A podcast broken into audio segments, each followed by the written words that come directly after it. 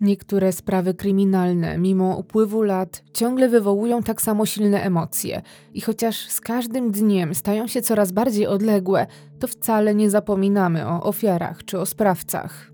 Dokładnie o takiej sprawie opowiem w dzisiejszym odcinku, ale też podobne sprawy, którymi żyła cała Polska, poznacie w książce Justyny Kopińskiej z nienawiści do kobiet. Jest to zbiór reportaży na temat różnych spraw i ludzi, których łączy jedno dotknęło ich zło. Znajdziecie tu fakty i historie przedstawione lekkim piórem, które szokują, bulwersują i zmuszają do refleksji nad naszym społeczeństwem i wymiarem sprawiedliwości, zdarza się, że bezradnym wobec ludzkiej krzywdy. Jeżeli doceniacie dobry reportaż, gdzie poruszane są mocne historie, to sprawdźcie koniecznie z nienawiści do kobiet. Dzięki mojej współpracy z aplikacją do słuchania audiobooków i czytania e-booków BookBeat możecie wysłuchać tej książki już teraz i to zupełnie za darmo, a reportaże Justyny Kopińskiej czytane przez najlepszą Krystynę Czubówną czekają na Was na stronie bookbeat.pl.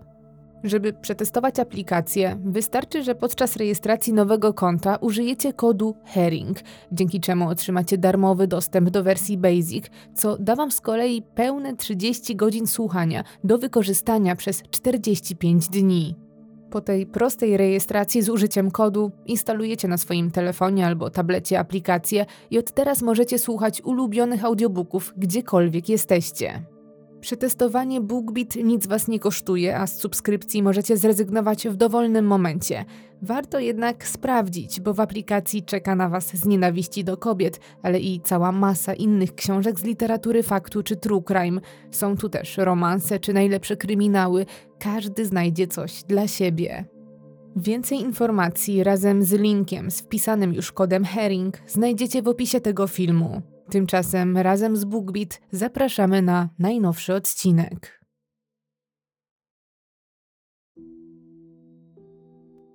Sprawa, o której dzisiaj opowiem, to historia, którą większość, nawet pobieżnie, zapewne zna, bo była bardzo medialna i do dzisiaj przez wielu uznawana jest za jedną z najbardziej tragicznych i przerażających zbrodni w historii polskiej kryminalistyki.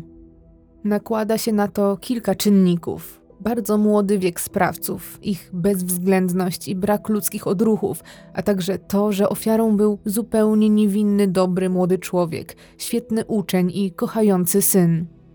W dzisiejszym odcinku opowiem o sprawie, którą żyła cała Polska i która do dzisiaj, mimo upływu ponad 25 lat, wraca do nas pod wieloma postaciami i nie pozwala o sobie zapomnieć.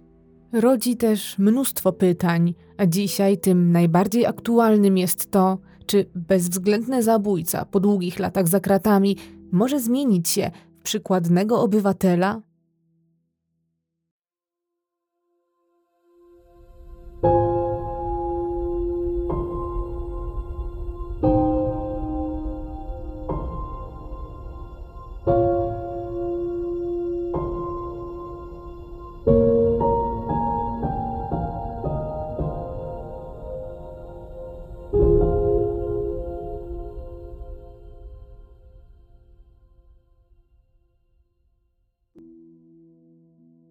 Jest rok 1997.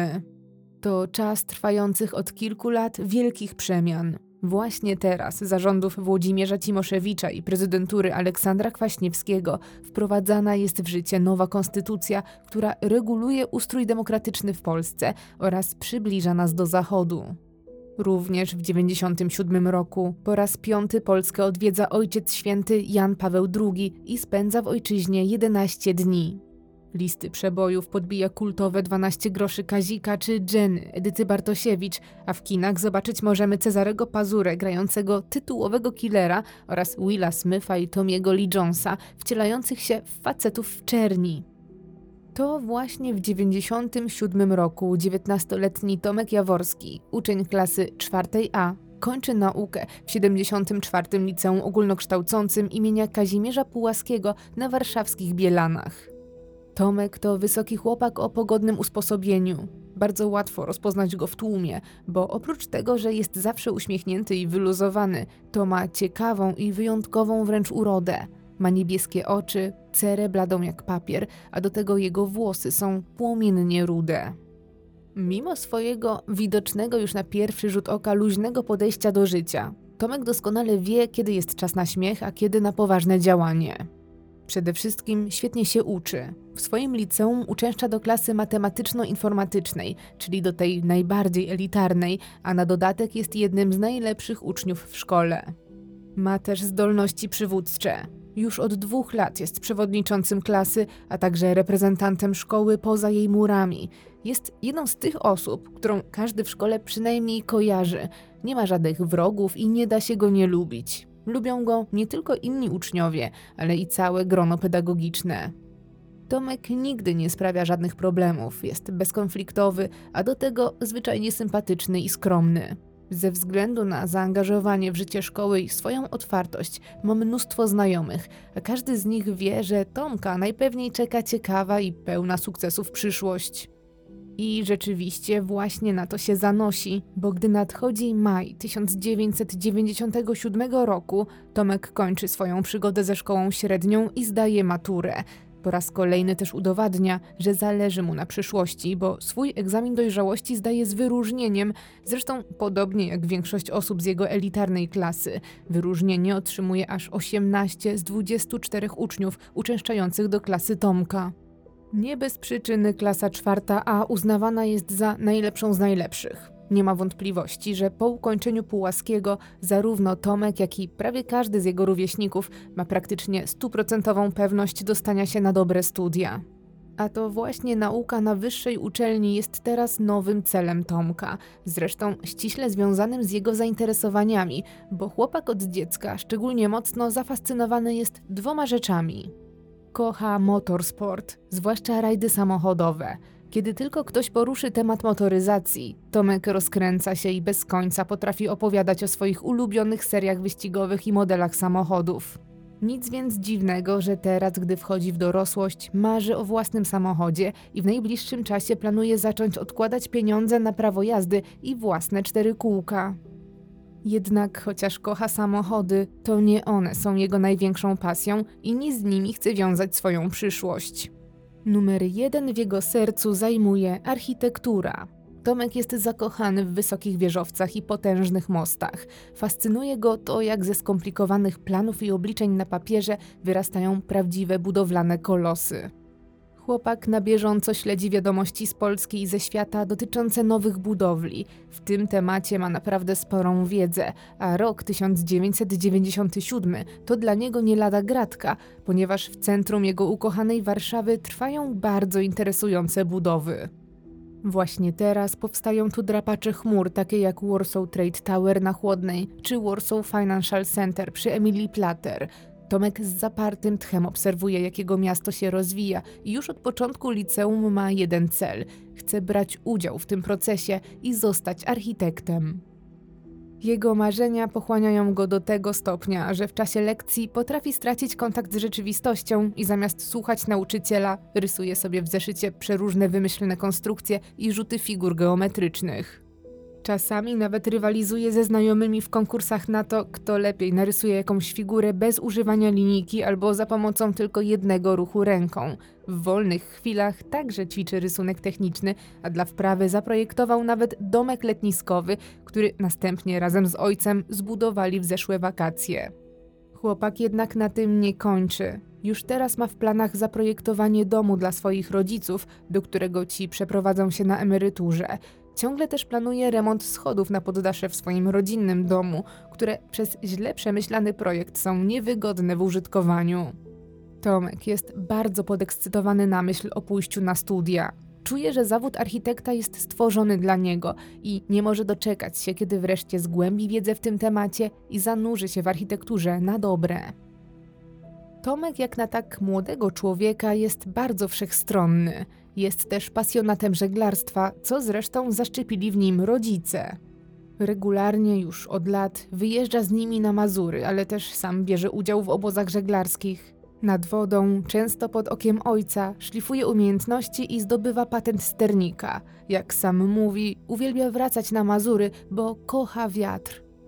Jego miłość do żeglowania widać gołym okiem. Nad jego łóżkiem w pokoju wisi duży fotogram przedstawiający żaglówkę na pełnym morzu. Chłopak uwielbia się w niego wpatrywać i marzyć o wielkich wyprawach, które dopiero go czekają.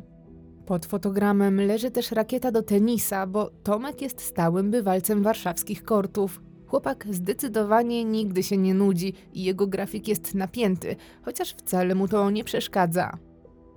Ale poza licznymi zajęciami dodatkowymi i godzinami spędzonymi nad książkami, Tomek zawsze znajduje czas dla bliskich. Jest bardzo rodzinny i mimo, że jest jednym z najpopularniejszych chłopaków w szkole i często jest gdzieś zapraszany, to kocha spędzać czas ze swoją rodziną. Ma dobre serce i to oni są dla niego najważniejsi i nie wstydzi się tego okazywać. Aktywnie uczestniczy w opiece nad swoją prababcią i często zabiera niedołężną już kobietę na spacery. Nie ma oporów, żeby nawet przy kolegach mówić, że kocha ją i swoich rodziców. To rodzina zawsze jest na pierwszym miejscu. Tomek dla wielu jest też prawdziwym ewenementem, bo mimo, że co roku jego średnia nie spada poniżej 5,0, a matura zdana z wyróżnieniem potwierdza jego ciężką pracę, to zawsze uczestniczy we wszystkich wyjściach klasowych. Od kiedy skończył 18 lat, chętnie też pije ze znajomymi alkohol, chociaż zawsze robi to rozsądnie i z umiarem. Z racji tego, że klasa Tomasza jest bardzo ze sobą zżyta, to takich wyjść jest w ciągu roku cała masa. Mimo tego chłopak znajduje idealny balans między przyjemnością a obowiązkami. Nie jest typem kujona, lubi zabawę, towarzystwo i po prostu korzysta z młodości. Przestrzega jednak zasad wytyczonych przez rodziców. Tomek jest jedynakiem i oczkiem w głowie swojej mamy i swojego taty. Rodzice nieco chuchają na niego i dmuchają, bojąc się o jego bezpieczeństwo. Jeżeli Tomek ma iść na jakąś zabawę, to zawsze muszą wiedzieć, gdzie wybiera się ich syn, z kim się tam zobaczy, a także o której planuje wrócić. To sprawiedliwy układ, dlatego świeżo upieczony absolwent nigdy nie buntuje się przeciwko tym prostym zasadom, dzięki czemu on ma swobodę, a jego rodzice mogą spać spokojnie. Nadchodzi 13 czerwca, to piątek. Dla Tomka jest to wielki dzień i ma nadzieję, że nie będzie pechowy, bo dzisiaj odbędzie się najważniejszy test w jego dotychczasowym życiu egzamin z rysunku, który, jeżeli dobrze mu pójdzie, będzie przepustką na Wydział Architektury Politechniki Warszawskiej. Z samego rana tata Tomka, pan Walenty, zawozi syna do śródmieścia na ulicę Koszykową 55, gdzie w auli głównej już za moment rozpocznie się egzamin. Ojciec żegna syna, życzy mu powodzenia i niecierpliwie czeka na wieści. Mija zaledwie kilka godzin, od kiedy Tomek zniknął za drzwiami wydziału. W domu państwa jaworskich rozbrzmiewa telefon. To Tomek, cały w skowronkach, krzyczy do telefonu: Zdałem, tato. Podekscytowany chłopak relacjonuje ojcu, że zadania na egzaminie były banalne, że wszystkie miał w małym palcu i że nie ma szans, żeby komisja miała się do czego przyczepić. Jest przekonany, że ten 13 w piątek jest dla niego szczęśliwym dniem. Rodzice pękają z dumy. Już teraz wiedzą, że list z uczelni o przyjęciu Tomka na architekturę to zapewne formalność i wszystkim pozostaje już tylko cierpliwie czekać na przesyłkę. Tym razem Tomek już ze spokojną głową może rozpocząć swoje najdłuższe wakacje i nie ma zamiaru odkładać tego startu na potem. Na koniec rozmowy oznajmia tacie, że dzisiaj zdecydowanie jest czas na świętowanie i że wróci do domu dopiero nad ranem. Tata, chociaż zawsze martwi się, gdy syn wychodzi na tak długo, nie ma serca mu odmówić. Tomek jest synem jak z marzeń, który dzisiaj po raz kolejny udowodnił, że jest ambitny i pracowity. Mijają kolejne godziny, a Tomek już po egzaminie, zadowolony i spokojny, spędza całe popołudnie z rówieśnikami, po jakimś czasie wspólnie wpadają na pomysł, żeby wykorzystać ciepły czerwcowy dzień i zakończyć go spotkaniem w większym gronie i na świeżym powietrzu. Idealnym do tego miejscem jest Lasek Młociński, znajdujący się nad Wisłą na północ od Bielan. Jest to miejsce, które tętni życiem i gdzie spotyka się głównie młodzież z całej Warszawy. Na polanie w parku regularnie zbierają się grupki znajomych. Są tu paleniska, z których mogą korzystać i mnóstwo miejsca, żeby swobodnie usiąść na przyciętej trawie lub licznych ławkach. Chociaż to ciągle Warszawa, to można poczuć się tu tak, jakby było się poza miastem. Tomek i jego znajomi bawili się tu już nie raz i także dzisiaj wieczorem postanawiają się tu umówić. Będą wspólnie świętować ukończenie szkoły, udany egzamin Tomka, a także urodziny ich dobrego kolegi, Jarka. Wygląda na to, że dzisiejszy 13 w piątek zaczął się bardzo pozytywnie i że tak też się zakończy. Tomek wraca więc na chwilę do domu, gdzie już osobiście przyjmuje gratulacje od rodziców, po czym wspólnie z nimi zjada obiad. Żyje już wieczornym spotkaniem, dlatego od razu po posiłku zaczyna zbierać się do wyjścia. Przebiera się w wygodne ubrania, jest połowa czerwca i dwadzieścia kilka stopni za oknem, więc zakłada kolorowy t-shirt, luźne dżinsy i adidasy. Bierze też do kieszeni trochę pieniędzy z kieszonkowego. Zanim wychodzi, idzie jeszcze do kuchni, gdzie jego mama zmywa naczynia po obiedzie. Mówi jej, żeby już odpoczęła i czasem z rozpędu nie sprzątała całego mieszkania, bo on chętnie zrobi to jutro.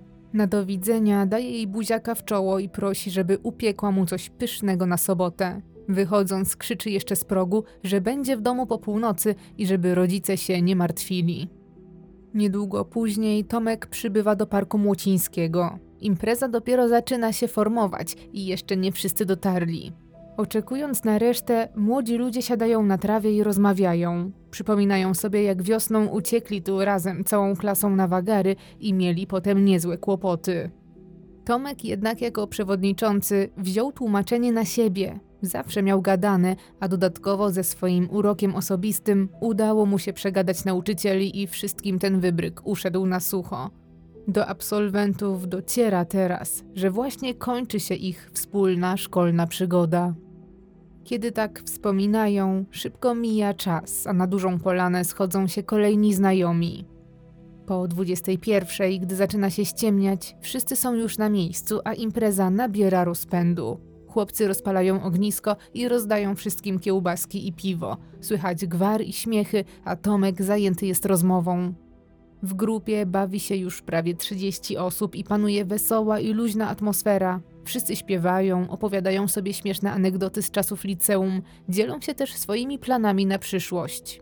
W kościach czują, że to jedno z ostatnich takich spotkań, bo po wakacjach zapewne każdy pójdzie w swoją stronę, zacznie się życie akademickie, nowe znajomości i po prostu dorosłe życie. Dzisiaj całą grupą korzystają więc z tych ostatnich, beztroskich chwil. Gdy wybija 23, wciąż wszystkim dopisują humory i nie zanosi się na koniec spotkania. W tym samym czasie na teren parku podjeżdża Polones i wysiada z niego kilku chłopaków. Chwilę szwędają się po okolicy i wyglądają jakby szukali towarzystwa. I rzeczywiście tak jest, bo po krótkiej chwili chodzenia bez celu podchodzą do Tomka i jego znajomych. Dosiadają się do maturzystów i jak gdyby nigdy nic, próbują wkręcić się na imprezę, a nawet załapać na darmowe piwo i kiełbaski. Z jednej strony są mili, ale z drugiej strony nieco natarczywi. Dodatkowo nie budzą zaufania i ciężko wyczuć ich prawdziwe intencje.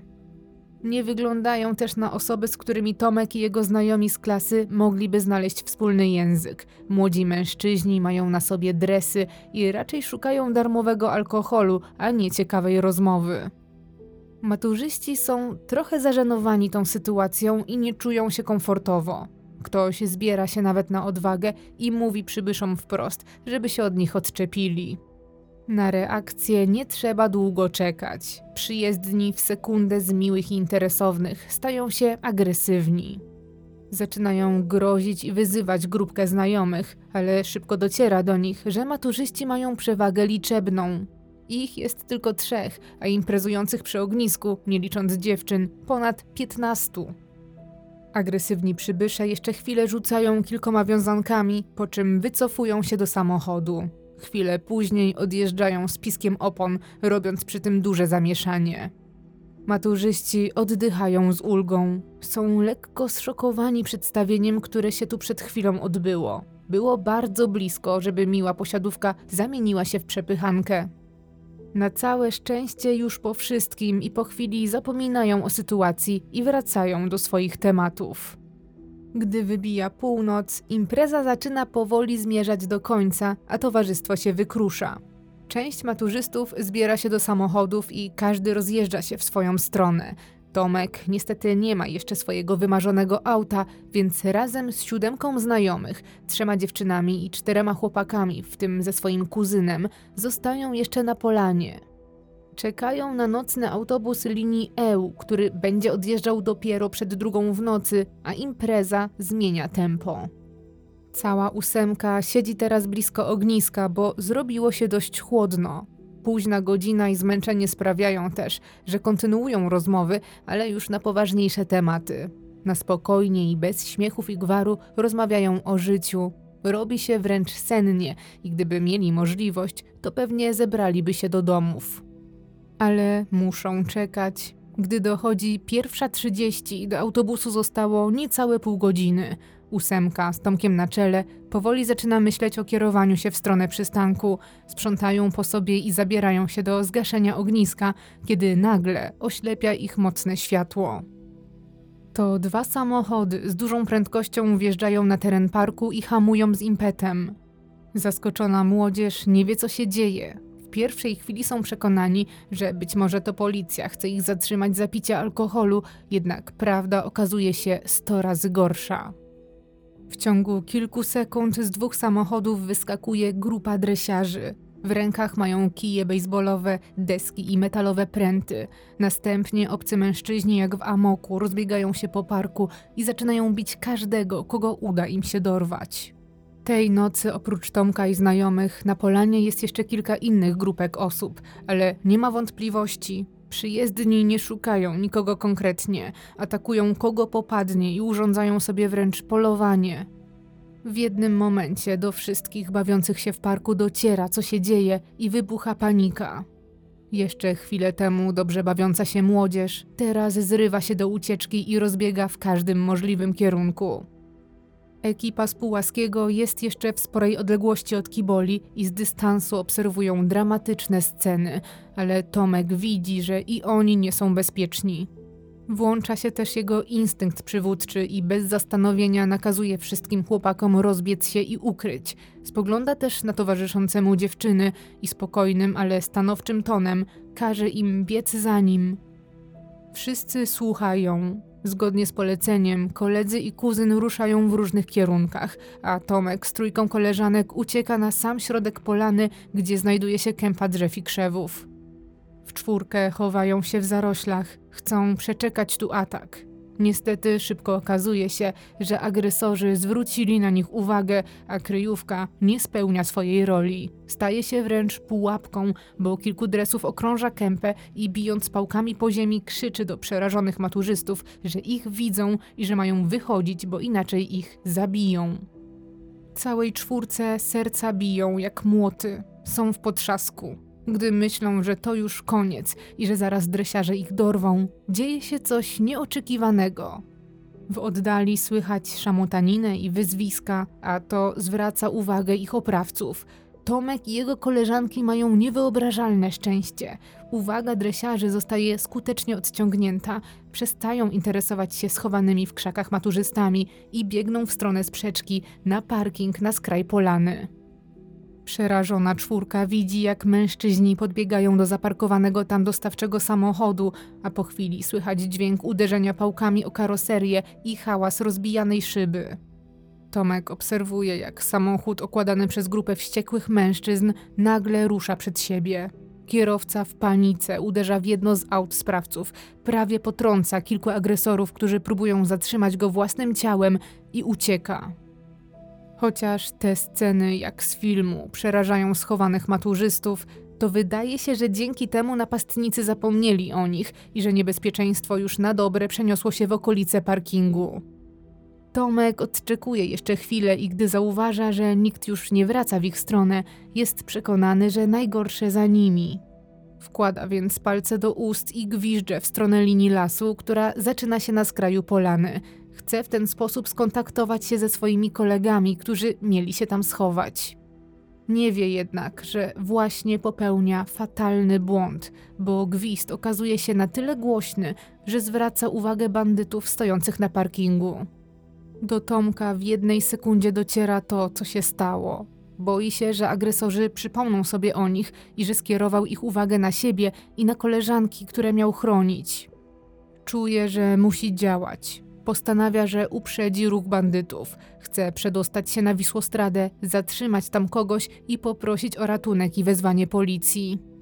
Przerażone dziewczyny uważają jednak to za zły pomysł. Próbują powstrzymać swojego kolegę, ale Tomek podjął już decyzję. Wstaje i wykorzystując wszystkie swoje siły, sprintem rusza w stronę drogi. To jednak drugi fatalny błąd, jaki dzisiaj popełnia, bo agresorzy spostrzegają go niemal natychmiast na opustoszałej polanie i z racji tego, że nie widzą już nikogo innego, na kim mogą się wyładować, wszyscy ruszają w pościg za przyszłym architektem. Tomek biegnie przed siebie tak szybko, jak tylko potrafi.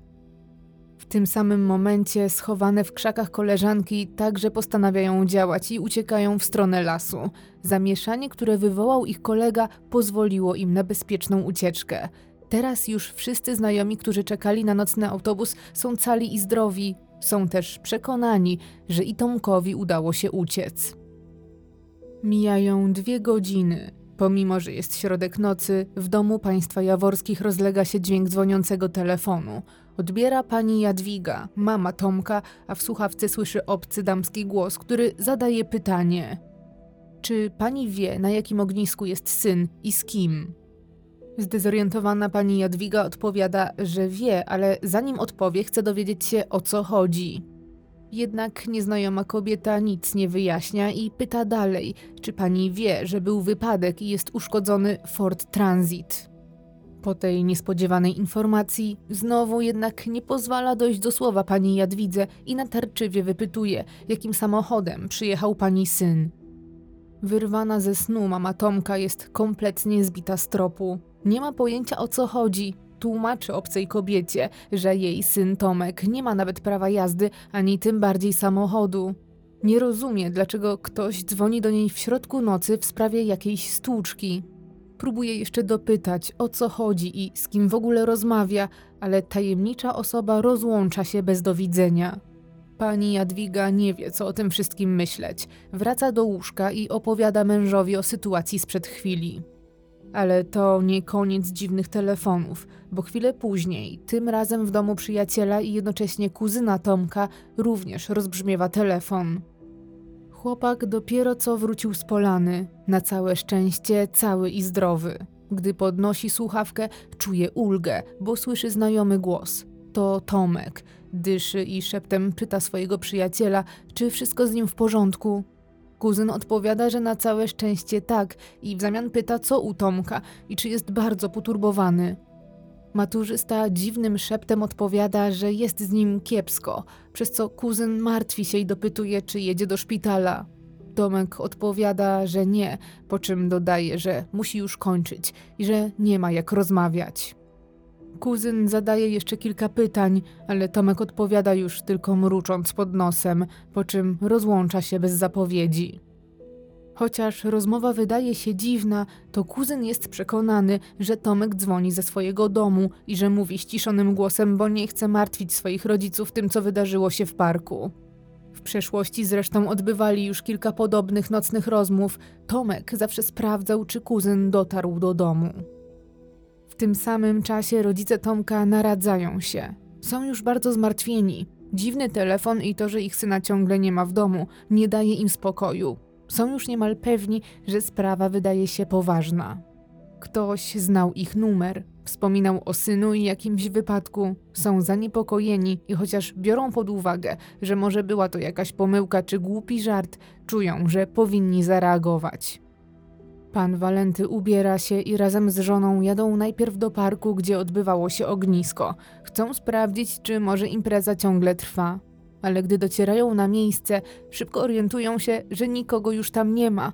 Jeszcze chwilę czekają w okolicy i rozglądają się za Tomkiem czy kimś ze znajomych, jednak miejsce wygląda na kompletnie opustoszałe i najwyraźniej spotkanie ich syna już dawno się skończyło.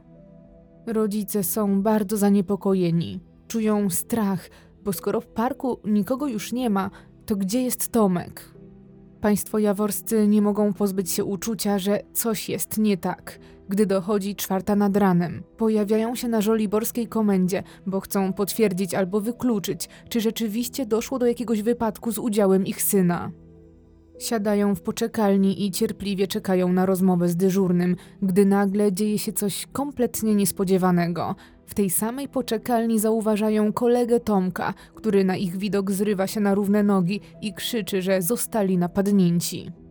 Następnie opowiada, co zaszło dwie godziny temu w Parku Młocińskim. Mówi, że czekali na nocny autobus, gdy nagle na polanie pojawiła się banda agresywnych mężczyzn. Gonili ich, a on, Tomek i cała reszta rozpierzchli się. Kolega relacjonuje, że zdołał uciec na stację benzynową przy Wisłostradzie i tam zadzwonił na policję. Patrol przyjechał jednak dopiero po godzinie, kiedy w parku nie było już żywej duszy. Teraz czeka na złożenie zeznań i nie wie, gdzie jest reszta. Rodzice Tomka z przerażeniem słuchają tego, co spotkało maturzystów. Pani Jadwiga, po tym co usłyszała, nie jest w stanie czekać dłużej i biegnie do oficera dyżurnego. Prosi o natychmiastowe rozpoczęcie poszukiwań jej syna. Ma przeczucie, że stało się coś złego. Czeka ją jednak ogromne rozczarowanie, bo policjant zakłada, że chłopak pewnie czeka już na nich w domu albo dopiero pojawi się tam, ale z dużym kacem.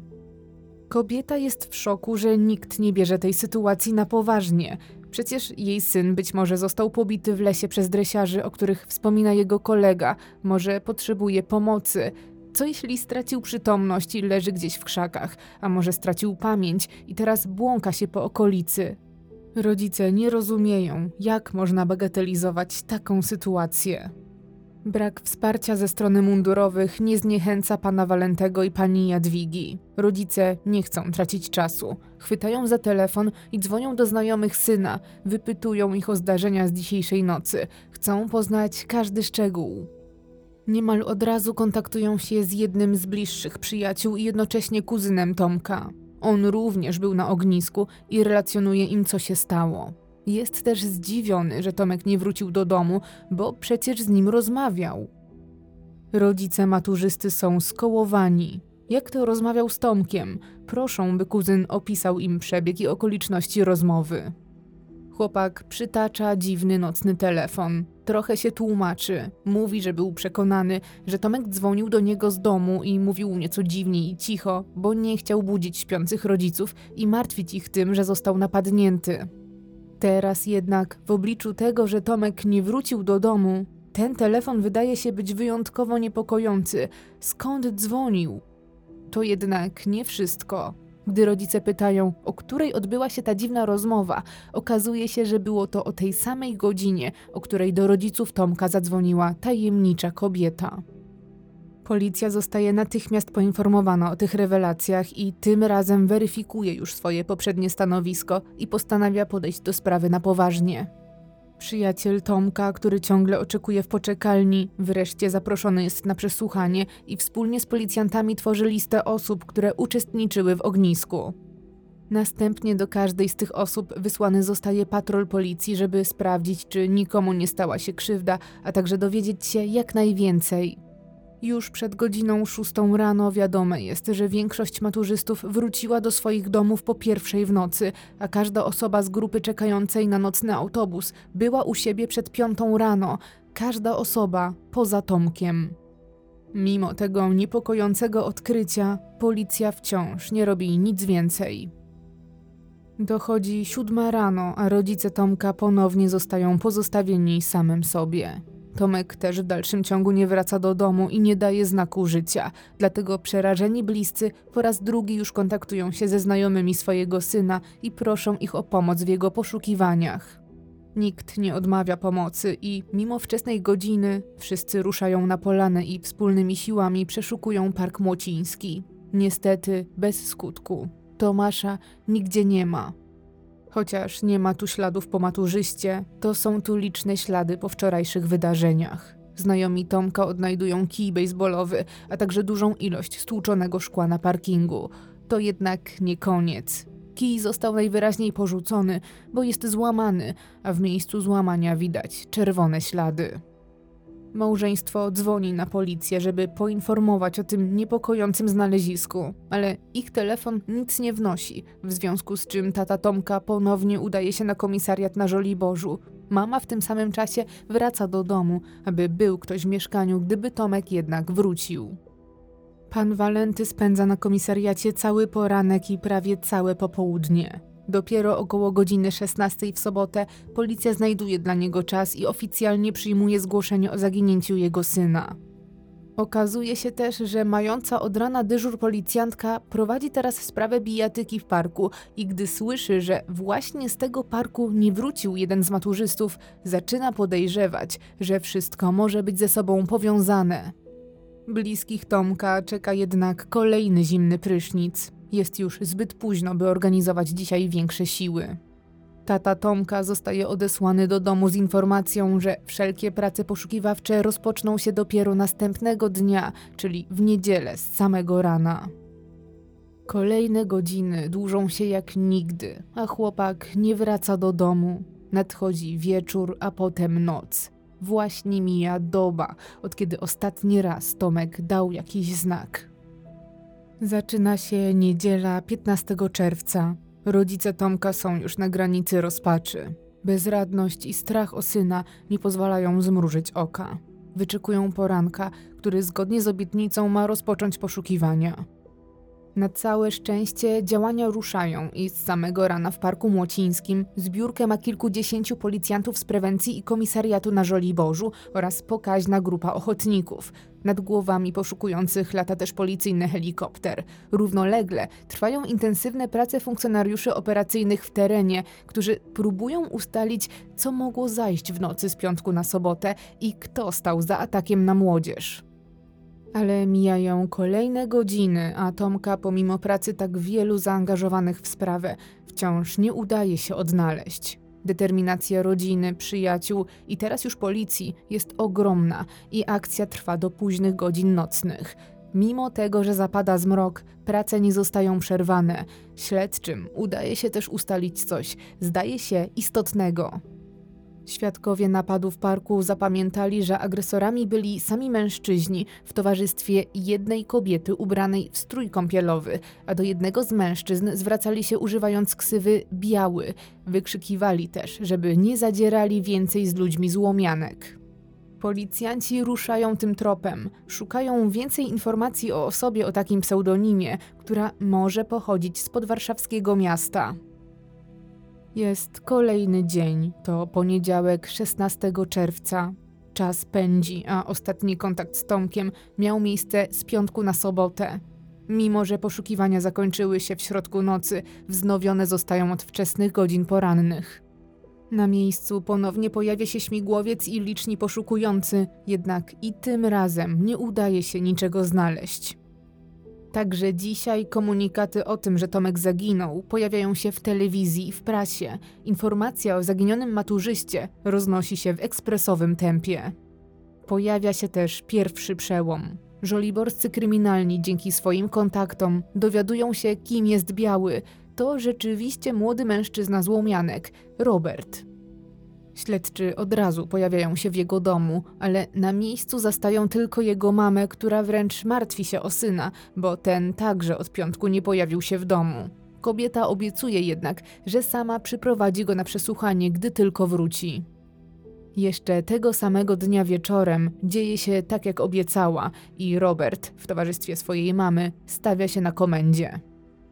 Chłopak nie chce jednak współpracować i z jakichś powodów kłamie, co robił i gdzie był od piątkowej nocy. Śledczy jednak ciągle wytykają mu, kiedy mija się z prawdą, aż w końcu biały pęka i przyznaje się, że brał udział w nocnym rozboju w Parku Młocińskim. To jednak nie koniec, bo przekazuje kolejne szokujące informacje, które wprawiają policjantów w osłupienie.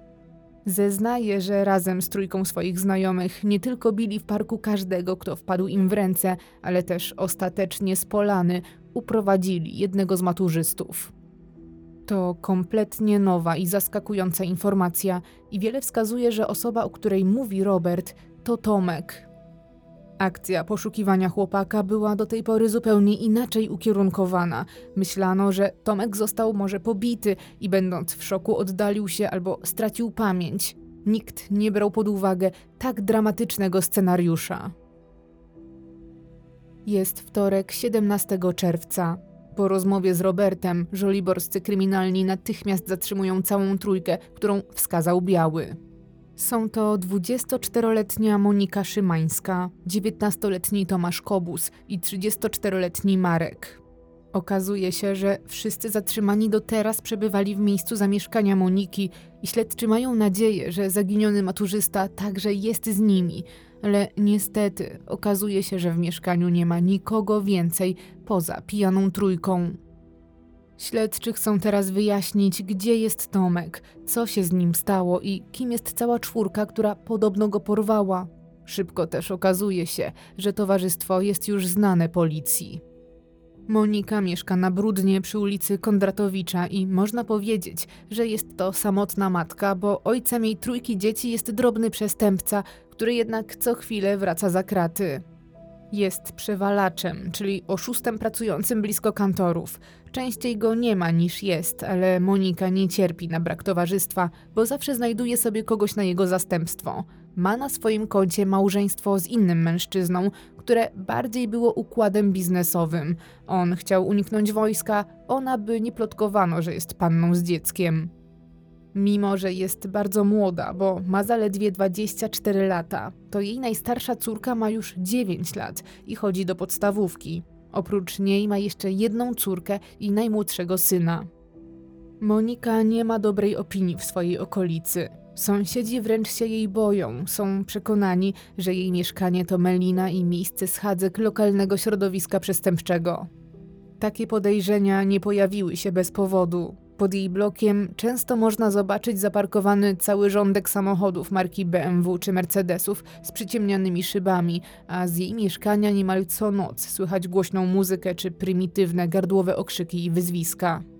Mało kto z sąsiadów jednak reaguje. Nikt nie chce mieć kłopotów z Moniką i jej kolegami. Gdy ostatnim razem ktoś nie wytrzymał i przyjechała tu policja, z mieszkania Moniki wybiegli napakowani i obwieszeni złotymi łańcuchami mężczyźni i rozpierzchli się po okolicy.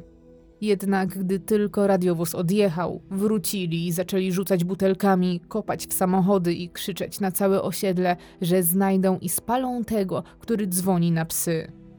Od tamtego czasu nikt już się nie wychyla, a Monika robi co chce. Kobieta znana jest policji nie tylko z awantur i zakłócania ciszy nocnej. Była też już karana za groźby karalne i zaatakowanie ojczyma z użyciem niebezpiecznego narzędzia. Zdaniem sąsiadów jest też fatalną matką. Twierdzą, że regularnie widzą, jak jej dzieci błąkają się brudne i głodne do późnych godzin nocnych. W takich sytuacjach Monika często jest po prostu pijana i nawet nie byłaby w stanie sprawować nad nimi opieki. Gdy młoda kobieta zostaje zatrzymana w związku ze sprawą Tomka, na miejscu obecni są już pracownicy Izby Dziecka, jednak gdy wchodzą do mieszkania, nie zastają w domu żadnych dzieci. Okazuje się, że Monika już dwa tygodnie temu wywiozła je do rodziców do Ciechanowa, prawdopodobnie by mieć nieograniczony niczym czas na imprezowanie do rana ze swoimi kolegami. A jednym z tych kolegów i stałym bywalcem w mieszkaniu Moniki jest drugi z zatrzymanych, Tomasz Kobus. To postrach osiedla. Mimo, że ma zaledwie 19 lat, to już od dawna terroryzuje okolicznych mieszkańców. Ludzie boją się go do tego stopnia, że nie chcą w ogóle rozmawiać na jego temat i wolą udawać, że nie wiedzą, kim jest. Kobus skończył tylko szkołę podstawową i to z wielkimi trudami. Nigdy też legalnie nie pracował. Do tej pory nie był karany, chociaż był wielokrotnie aresztowany za drobniejsze przewinienia. W momencie zatrzymania ma postawione zarzuty paserstwa oraz rozboju i pobicia z użyciem niebezpiecznego narzędzia. Trzeci z zatrzymanych, Marek, również jest stałym bywalcem Meliny na Kondratowicza. Jest o 10 lat starszy od Moniki. Mężczyzna mieszka na śródmieściu i kiedyś miał normalne i szczęśliwe życie. Był kierowcą autobusów MZK. Miał też kochającą żonę i dziecko, z którymi tworzył rodzinę. Wszystko jednak rozpadło się jak domek z kart. Marek dzisiaj jest sam, bo zamiast rodziny i życia zgodnie z prawem wybrał alkohol. Ostatecznie żona go zostawiła i odebrała mu prawa rodzicielskie. Został też wyrzucony z pracy, bo chodził do niej w kratkę.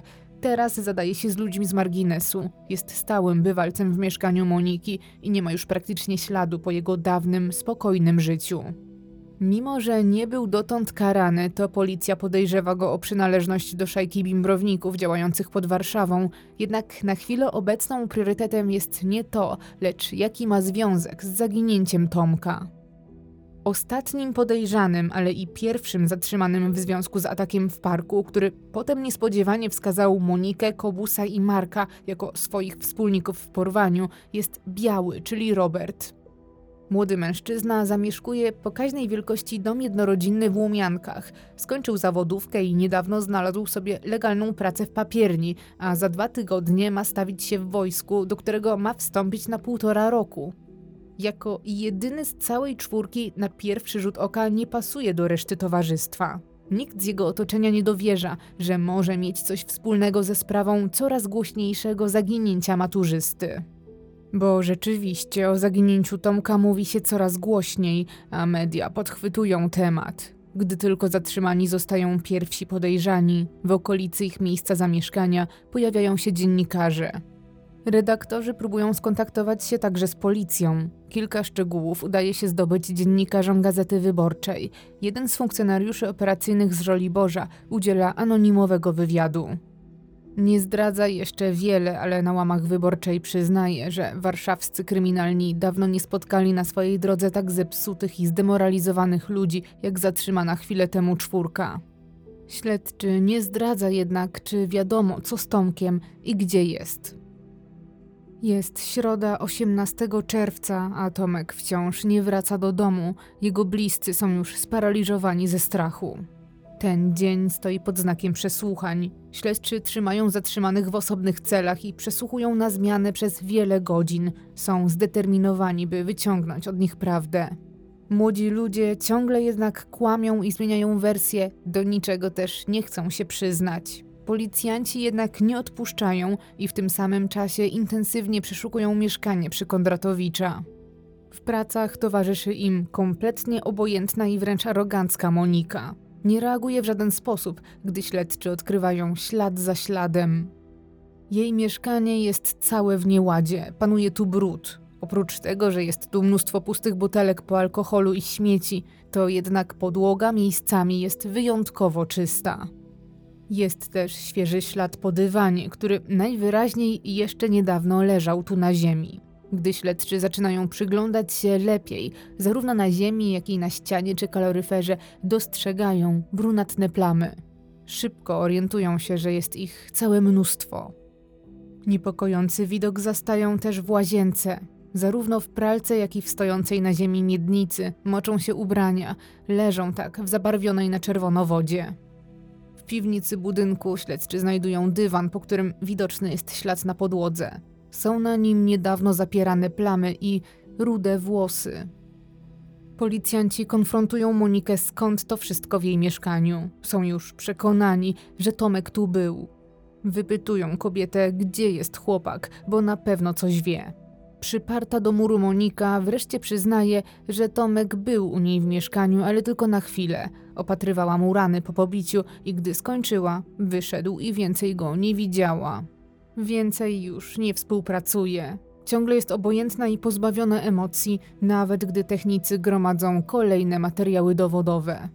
Monika okazuje emocje tylko w jednym momencie. Denerwuje się, gdy dzwoni jej telefon stacjonarny, a policjanci nie pozwalają jej go odebrać. Mimo, że śledczy czują, że są już tak blisko, to wciąż nie wiedzą, gdzie szukać Tomka. Nikt z zatrzymanych nie chce mówić i gdy wydaje się, że wszelkie rozmowy prowadzą donikąd, ma miejsce kolejny przełom. Ktoś anonimowo dzwoni na komendę i informuje śledczych, gdzie porzucono Tomka. Jeszcze tego samego dnia w okolicach godziny 15 żoliborscy policjanci, prokurator i lekarz sądowy podjeżdżają na ulicę Białołęcką na warszawskich Brzezinach, gdzie w asyście Marka ruszają we wskazane miejsce. Tam, w zagajniku obok kanału Żerańskiego, odnajdują coś, co wygląda jak prowizoryczny grób. Nie mają wątpliwości, że ktoś tu kopał. Wyraźnie widać naruszoną ziemię i niedbały kopiec, który znajduje się niemal nad samą wodą. Jest usypany z żółtego piasku, który zabrudzony jest na czerwono. Policjanci domyślają się, z czym mają do czynienia. Zaczynają najpierw zabezpieczać okolice, po czym kopią. Najpierw łopatami, gdy mają już pewność, że szukają ciała, wybierają ziemię gołymi rękami. Z każdym kolejnym centymetrem głębiej coraz silniej czują zapach benzyny. Po dwóch godzinach żmudnego odkopywania, tak by niczego nie naruszyć, najdelikatniej jak tylko potrafią, wyjmują ciało z miejsca jego ukrycia. To Tomek. Wszyscy są wstrząśnięci, w jakim jest stanie. Posiada na swoim ciele dosłownie każdy możliwy rodzaj rany. Nie przypomina już siebie, ma też zgolone włosy i nadpalone spodnie. Na miejscu obecny jest sam komendant, który na widok ciała jest wstrząśnięty. Jak później relacjonuje gazecie wyborczej, różne zdarzenia miały miejsce w czasie 29 lat mojej pracy w policji, czasami bardzo okrutne, ale z takim natężeniem okrucieństwa wobec ofiary spotykam się po raz pierwszy. Media bardzo szybko pojawiają się na miejscu. Policjanci muszą jednak być pierwsi. Rodzice Tomka nie mogą dowiedzieć się o tym z telewizji. Ich rozpacz jest tak ogromna, że wezwane musi zostać pogotowie. W czasie, gdy na Brzezinach zabezpieczane są wszelkie ślady, intensywne prace trwają również w Parku Młocińskim. Warszawscy kryminalni równolegle pracują w terenie. Poszukują każdego, kto może wiedzieć cokolwiek na temat tego, co zaszło w nocy z 13 na 14 czerwca. O dramatycznym finale poszukiwań maturzysty wiedzą już wszyscy. Smutna informacja obiega media, a sprawą żyje cały kraj. Wyjaśnienie tego, co zaszło i ukaranie sprawców to teraz priorytet nie tylko dla policji, ale i dla całego społeczeństwa. Z tego względu warszawska policja włącza do sprawy swoich najlepszych funkcjonariuszy. Nad rozwiązaniem łącznie pracuje kilkudziesięciu policjantów. Nadchodzi piątek 20 czerwca. Dokładnie tydzień temu miało miejsce ognisko maturzystów.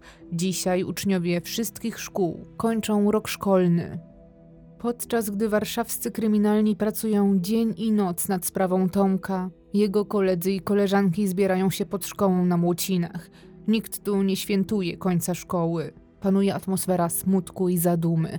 Odwołane są wszystkie zaplanowane na dzisiaj występy i atrakcje. Zamiast tego odbywa się apel, na którym przemawia dyrektor i gdzie minutą ciszy uczczona zostaje pamięć o Tomku.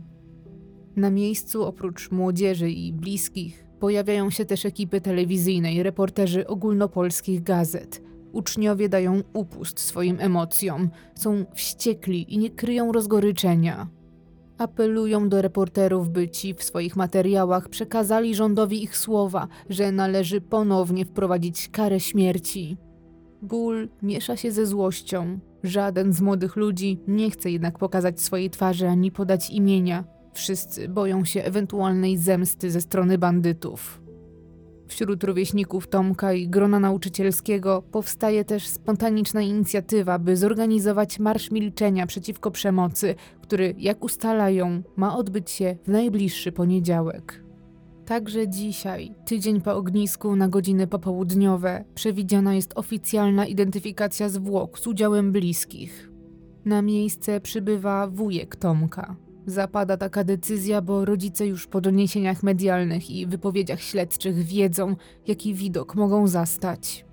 Mężczyzna chce odciążyć swojego brata i jego żonę i zidentyfikować bratanka w ich imieniu, chociaż o ten przykry obowiązek zmniejszyć ich cierpienie.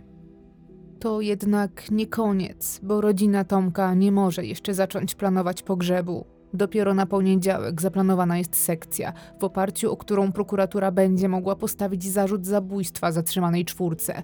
Póki co wszyscy przebywają w areszcie z zarzutem o udział w rozboju. Bezsensowna śmierć młodego chłopaka z Warszawy jest teraz głównym tematem wieczornych serwisów informacyjnych. Sprawa jest tak bulwersująca, że stanowisko zabiera nawet sam prezydent Aleksander Kwaśniewski, który wysyła list otwarty do rodziców Tomasza. Chciałbym wyrazić swoje głębokie współczucie w związku ze śmiercią tak okrutną i niepotrzebną państwa syna. Wiem, że Tomek był dobrym synem i uczniem. Rozpoczynał nowy, ciekawy etap w swoim życiu. Zdał egzamin maturalny, chciał zostać studentem Wydziału Architektury. Żadne słowa nie oddadzą bólu i żalu po jego stracie. Jestem głęboko wstrząśnięty bestialstwem i okrucieństwem tych, którzy nie pozwolili mu żyć.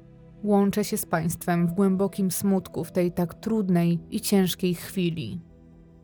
Chociaż żaden list i żadne słowa otuchy nie ukoją bólu rodziców, to wygląda na to, że sprawa będzie nadzorowana przez najwyższe kręgi władzy w Polsce i będzie miała wymiar pokazowy. Nadchodzi poniedziałek, jest 23 czerwca. O godzinie 13 na ulicy Żeromskiego na warszawskich Bielanach gromadzą się młodzi ludzie. Już za moment we wspólnym marszu ruszą w stronę Parku Młocińskiego, skąd uprowadzono ich rówieśnika. Z każdą minutą tłum rośnie i szybko osiąga ogromne rozmiary. Szacuje się, że na miejscu zbiera się kilka tysięcy osób w każdym wieku. Są tu młodsi starsi ludzie, licealiści, zwykli mieszkańcy Warszawy, ale też radni, posłowie i policjanci. Pogoda jest okropna. Mimo, że to koniec czerwca, to na zewnątrz jest kilkanaście stopni i leje deszcz. Nikogo to jednak nie zniechęca. Tłum ludzi przechodzi głównymi arteriami północnej Warszawy w stronę Lasku Młocińskiego. Niosą ze sobą transparenty krytykujące przemocowe zachowania i nawołujące do przywrócenia kary śmierci. Idą tak niemal dwie godziny. Kiedy tłum dociera na polanę, na miejscu pojawia się również marszałek Sejmu oraz prezydent Warszawy. Żaden z nich nie zabiera jednak głosu. Rozpoczyna się za to msza święta, w której przewodniczy biskup Marian Duś. Wygłasza kazanie, w którym mówi, że nie można budować przyszłości w oparciu o strach, nienawiść i odwet. Pod koniec nabożeństwa występuje również chór kościelny, który śpiewa pieśń Chroń mnie, Panie, od pogardy, od nienawiści mnie zachowaj. Chociaż nastrój jest podniosły i nieco formalny, to wcale nie studzi to złości i gniewu na bezsensowną przemoc. Zebrani rozpalają ogniska, przy których zbierają podpisy pod petycją w sprawie przywrócenia kary śmierci. W pewnym momencie do jednej z takich grupek młodzieży podchodzi nawet prezydent Warszawy, jednak nie wygląda na to, że jest tu mile widziany. Zostaje zaatakowany werbalnie przez rozgoryczonych młodych ludzi, którzy mają mu za złe jego dotychczasową bierność. Po tym incydencie prezydent szybko i bez słowa oddala się z parku.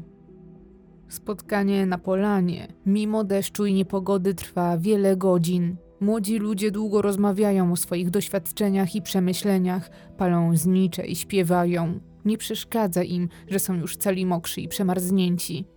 Niektórzy mówią, że są tu dzisiaj po raz ostatni, bo to miejsce już nigdy nie będzie dla nich takie jak dawniej. Odejście Tomka mocno ich jednoczy i porusza. Czują, że muszą być tu razem. Tego samego dnia wieczorem główne wydanie wiadomości informuje, że sześciu kryminalnych z Żoliborza zostało odznaczonych i nagrodzonych przez szefa MSWiA Leszka Millera za szybkie i skuteczne działanie. Szef resortu zwrócił się jednocześnie do ogółu, mówiąc, że mimo że policjanci stanęli na wysokości zadania, to swojej misji nie wykonali wszyscy inni rodzice, wychowawcy, nauczyciele, a także duchowni. Następnego dnia, we wtorek, rodzice Tomka mogą w końcu odebrać ciało umęczonego syna. Jego pogrzeb odbywa się dwa dni później na cmentarzu północnym. I tym razem na miejscu zjawia się tłum ludzi. W ostatniej drodze maturzysty uczestniczy ponad tysiąc osób. Wszyscy chcą oddać hołd Tomkowi i godnie go pożegnać. Młodzi ludzie, którzy dzisiaj tu przybyli, mają swoje plany na przyszłość, marzenia i nadzieje. Jak nosi tytuł jednego z reportaży z tamtych dni, wszyscy oprócz Tomka. Państwo jaworscy nie mogą pogodzić się z tym, co się stało. Są objęci pomocą psychologów, ale ból, jaki im towarzyszy, jest nie do zniesienia. Roza, piesek Tomka, ciągle leży teraz na kanapie w salonie, tam gdzie zwykle siadał Tomek. Dokładnie tak, jakby wiedziała, że już nie wróci. Niedługo po pogrzebie w domu pana Walentego i pani Jadwigi rozbrzmiewa telefon. Po drugiej stronie słyszą męski, obcy głos. Mężczyzna przedstawia się. To Aleksander Łysek, tata Michała, geniusza matematycznego z Krakowa, któremu zaledwie rok wcześniej, również bez powodu, życie odebrało dwóch nastolatków. Długo rozmawiają, rozumieją się. Kilka dni później pan Aleksander przyjeżdża do Warszawy i wspólnie z panią Jadwigą i panem Walentym idą na cmentarz północny odwiedzić grób Tomka. Tylko inny rodzic, który stracił ukochane dziecko, zrozumie ich ból.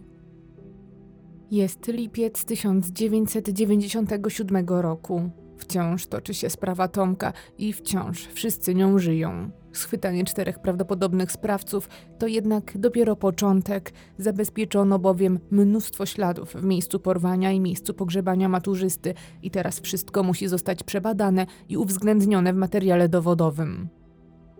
Policja cały czas pracuje na pełnych obrotach, a 1 lipca udaje się zatrzymać kolejnych siedem osób podejrzanych o udział w rozboju w Lasku Młocińskim. Na komendę wezwani zostają także pobici maturzyści, którzy w grupie zatrzymanych dresiarzy rozpoznają jednego ze swoich oprawców. Okazuje się być nim 21-letni Rafał Złomianek, kolega Białego. I on tragicznej nocy atakował na polanie. Rozpoznaje go m.in. kuzyn Tomka.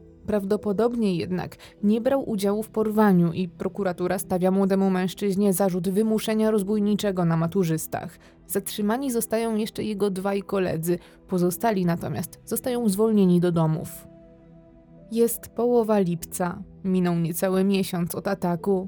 Robert o ksywie Biały, który sam zgłosił się na komendę i wskazał wspólników, słyszy zarzut niepowiadomienia organów ścigania, ale nie słyszy zarzutu zabójstwa.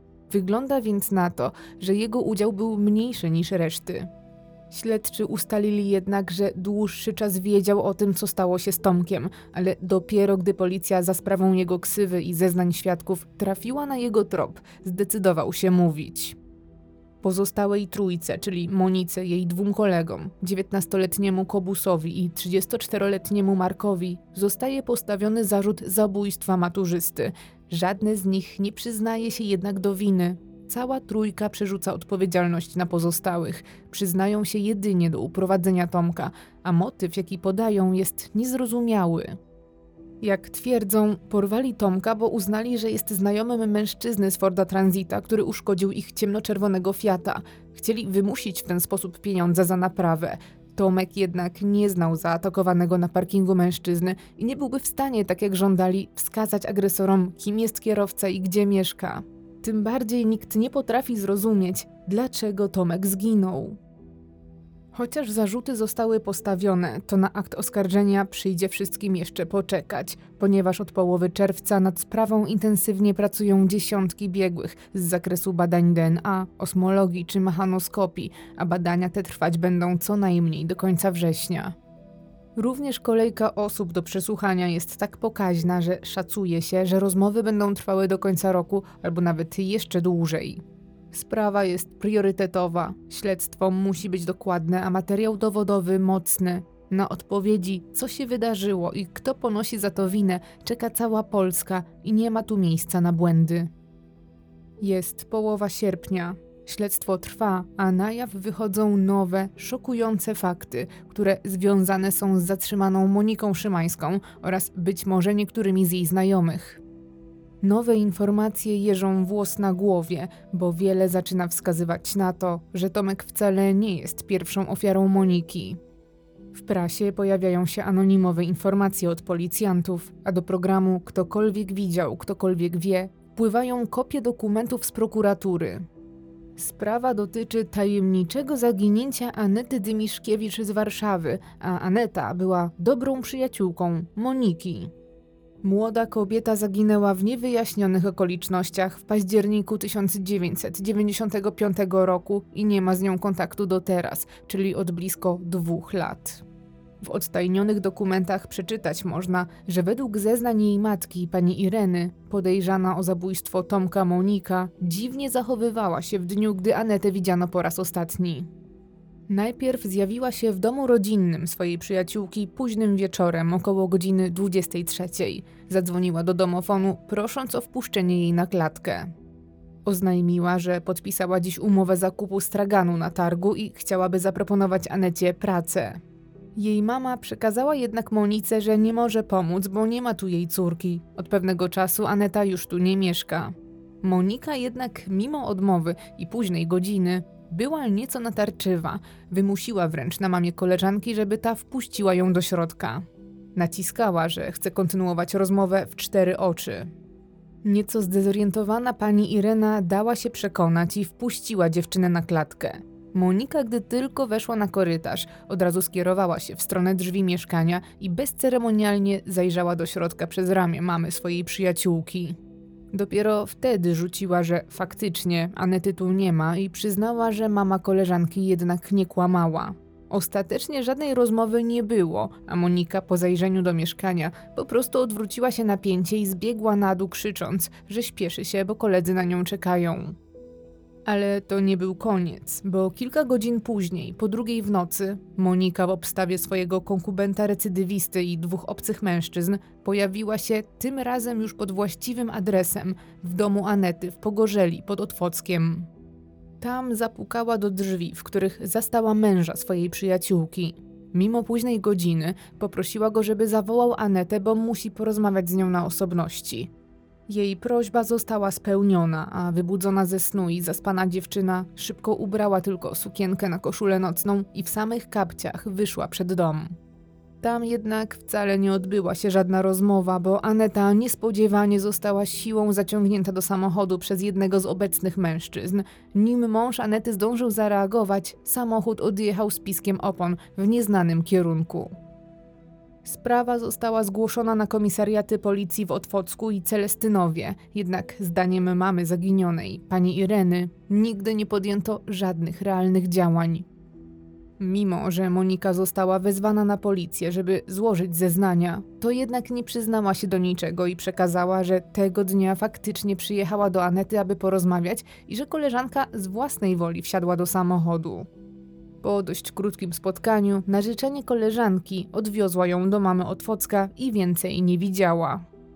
Ale mijały tygodnie, a Aneta nie wracała do domu, a rodzina drążyła temat. Pojawiły się też nowe informacje. Świadkowie, którzy widzieli obie kobiety około czwartej nad ranem pod domem Moniki na Brudnie, co kłóci się z jej słowami.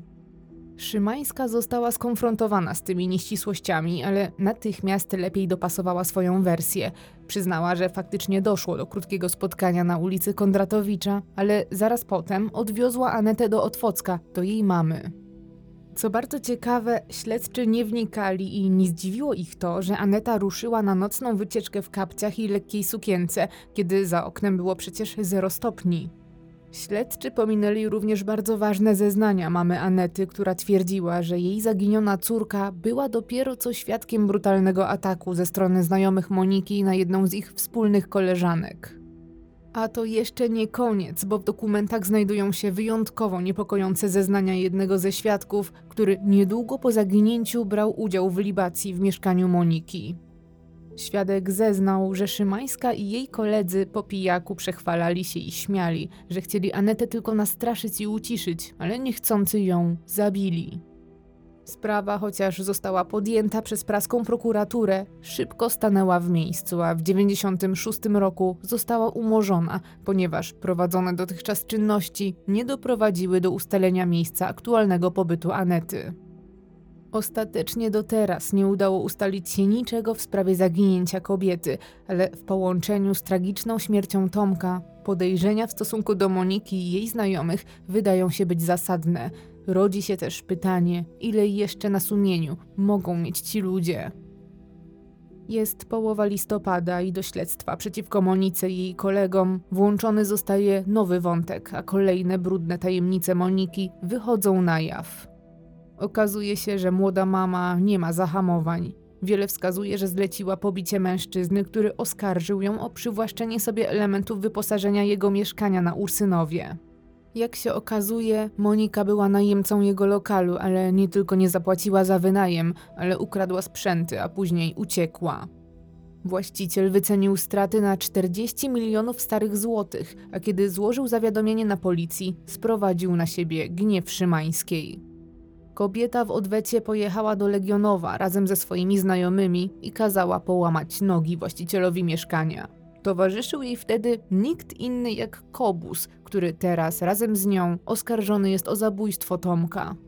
Ostatecznie śledztwo w sprawie pobicia umorzono, ale teraz zostało wznowione i Monice i Tomaszowi najprawdopodobniej zostaną postawione dodatkowe zarzuty. Ciągle zwiększająca się ilość świadków, podejrzanych, tropów i dowodów powoli paraliżuje śledczych, dlatego prokuratura planuje wniosek o przedłużenie aresztu dla czwórki głównych podejrzanych: Moniki, Kobusa, Marka i Roberta. Opinię publiczną natomiast przerażają coraz to nowe wątki, które wypływają w związku z zabójstwem Tomka. Wszystko wskazuje na to, że Monika i jej koledzy to wyjątkowo niebezpieczni ludzie, którzy na dodatek od dawna są bezkarni. Coraz częściej słychać głosy i pytania, czy musiało dojść do tej tragedii, czy Tomek naprawdę musiał zginąć. Dlaczego osoby, które za nic mają prawo i normy społeczne, żyją bezkarnie i latami są na wolności?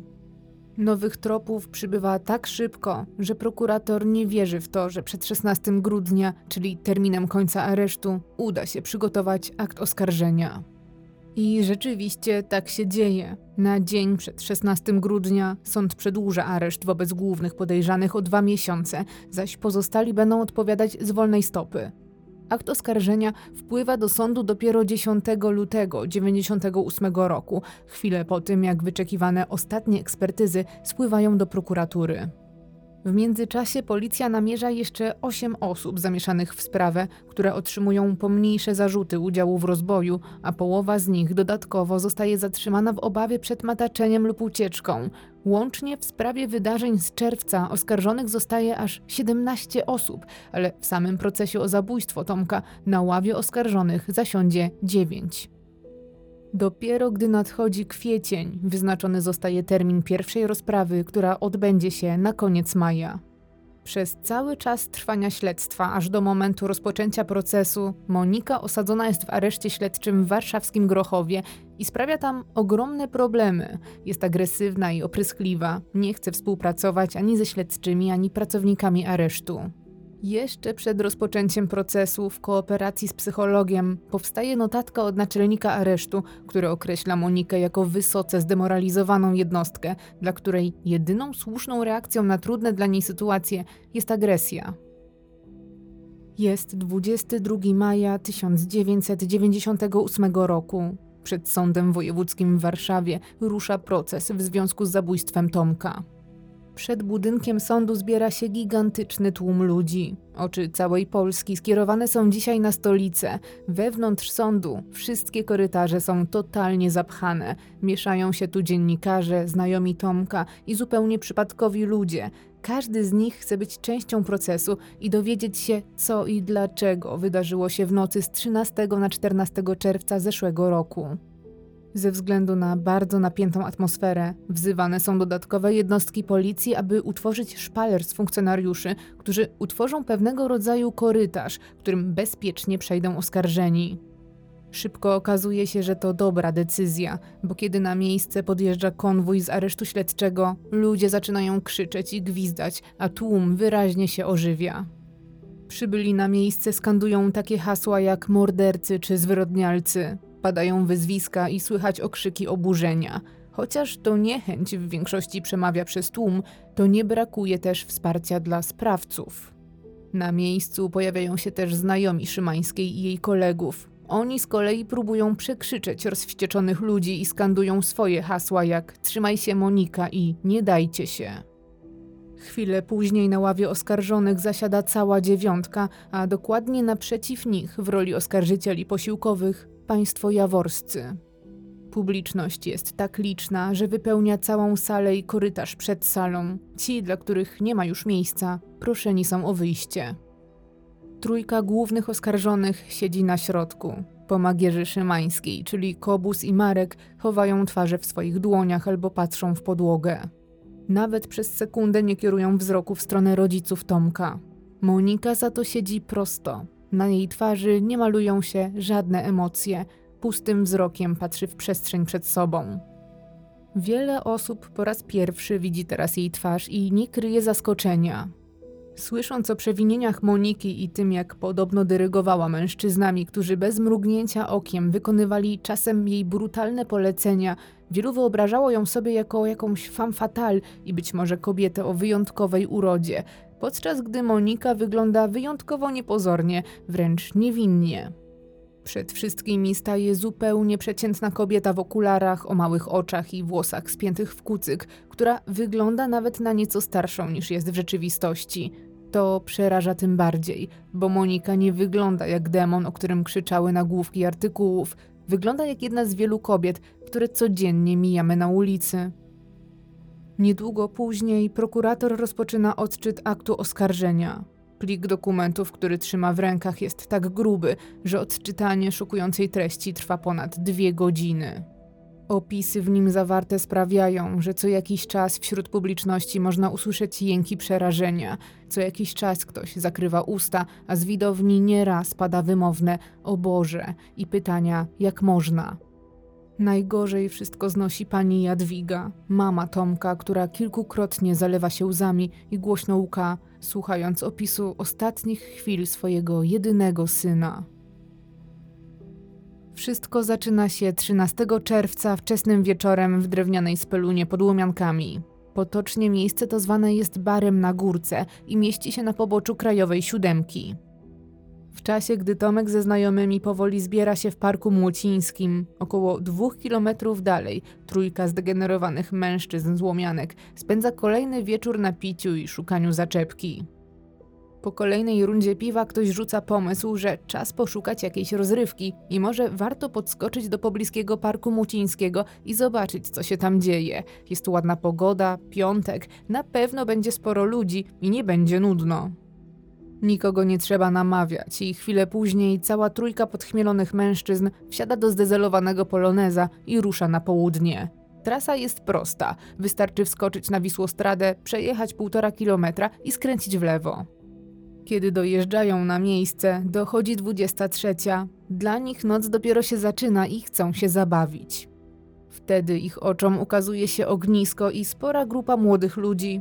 Wszyscy są schludnie ubrani i spokojnie spędzają czas śpiewając, rozmawiając i piekąc kiełbaski. Ten sielankowy obraz z niezrozumiałych powodów podburza przybyszy.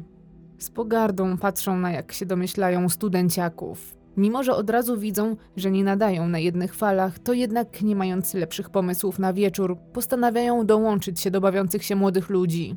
Studenciaki mają ze sobą piwo i wino. Jest szansa, że załapią się na darmowy alkohol. Kiedy trójka dresiarzy podchodzi do grupki około 30 maturzystów świętujących koniec szkoły, impreza od razu cichnie. Każdy patrzy na nich ze zdziwieniem i skwaszoną miną, ale mężczyźni z baru na górce udają, że tego nie widzą i próbują zagadać i wprosić się na imprezę, ale nieskutecznie, bo szybko zostają otoczeni przez grupkę prawie 20 chłopaków i grzecznie, ale stanowczo poproszeni o oddalenie się. Przybysze są w szoku, że ktokolwiek im się stawia. Chyba nie wiedzą, z kim zadzierają. Ta zniewaga nie ujdzie im płazem i cała trójka wraca do Poloneza i jadą z powrotem do Speluny, ale nie po to, by spędzić noc inaczej, ale żeby obmyślić, jak zemścić się na studenciakach. Przed północą cała trójka znowu siedzi pod parasolami przed barem na górce i pije piwo. Gdy kończą kolejną kolejkę, koło budynku parkuje Fiat 125P i wysiada z niego czwórka ludzi. Trzech mężczyzn i kobieta ubrana tylko w strój kąpielowy, koszulkę i klapki. Tą jedyną kobietą jest Monika, razem ze swoją świtą. Wszyscy są w doskonałym humorze, bo właśnie wracają z plażowania nad jeziorem Zegrzyńskim i chcą kontynuować imprezowanie właśnie tu.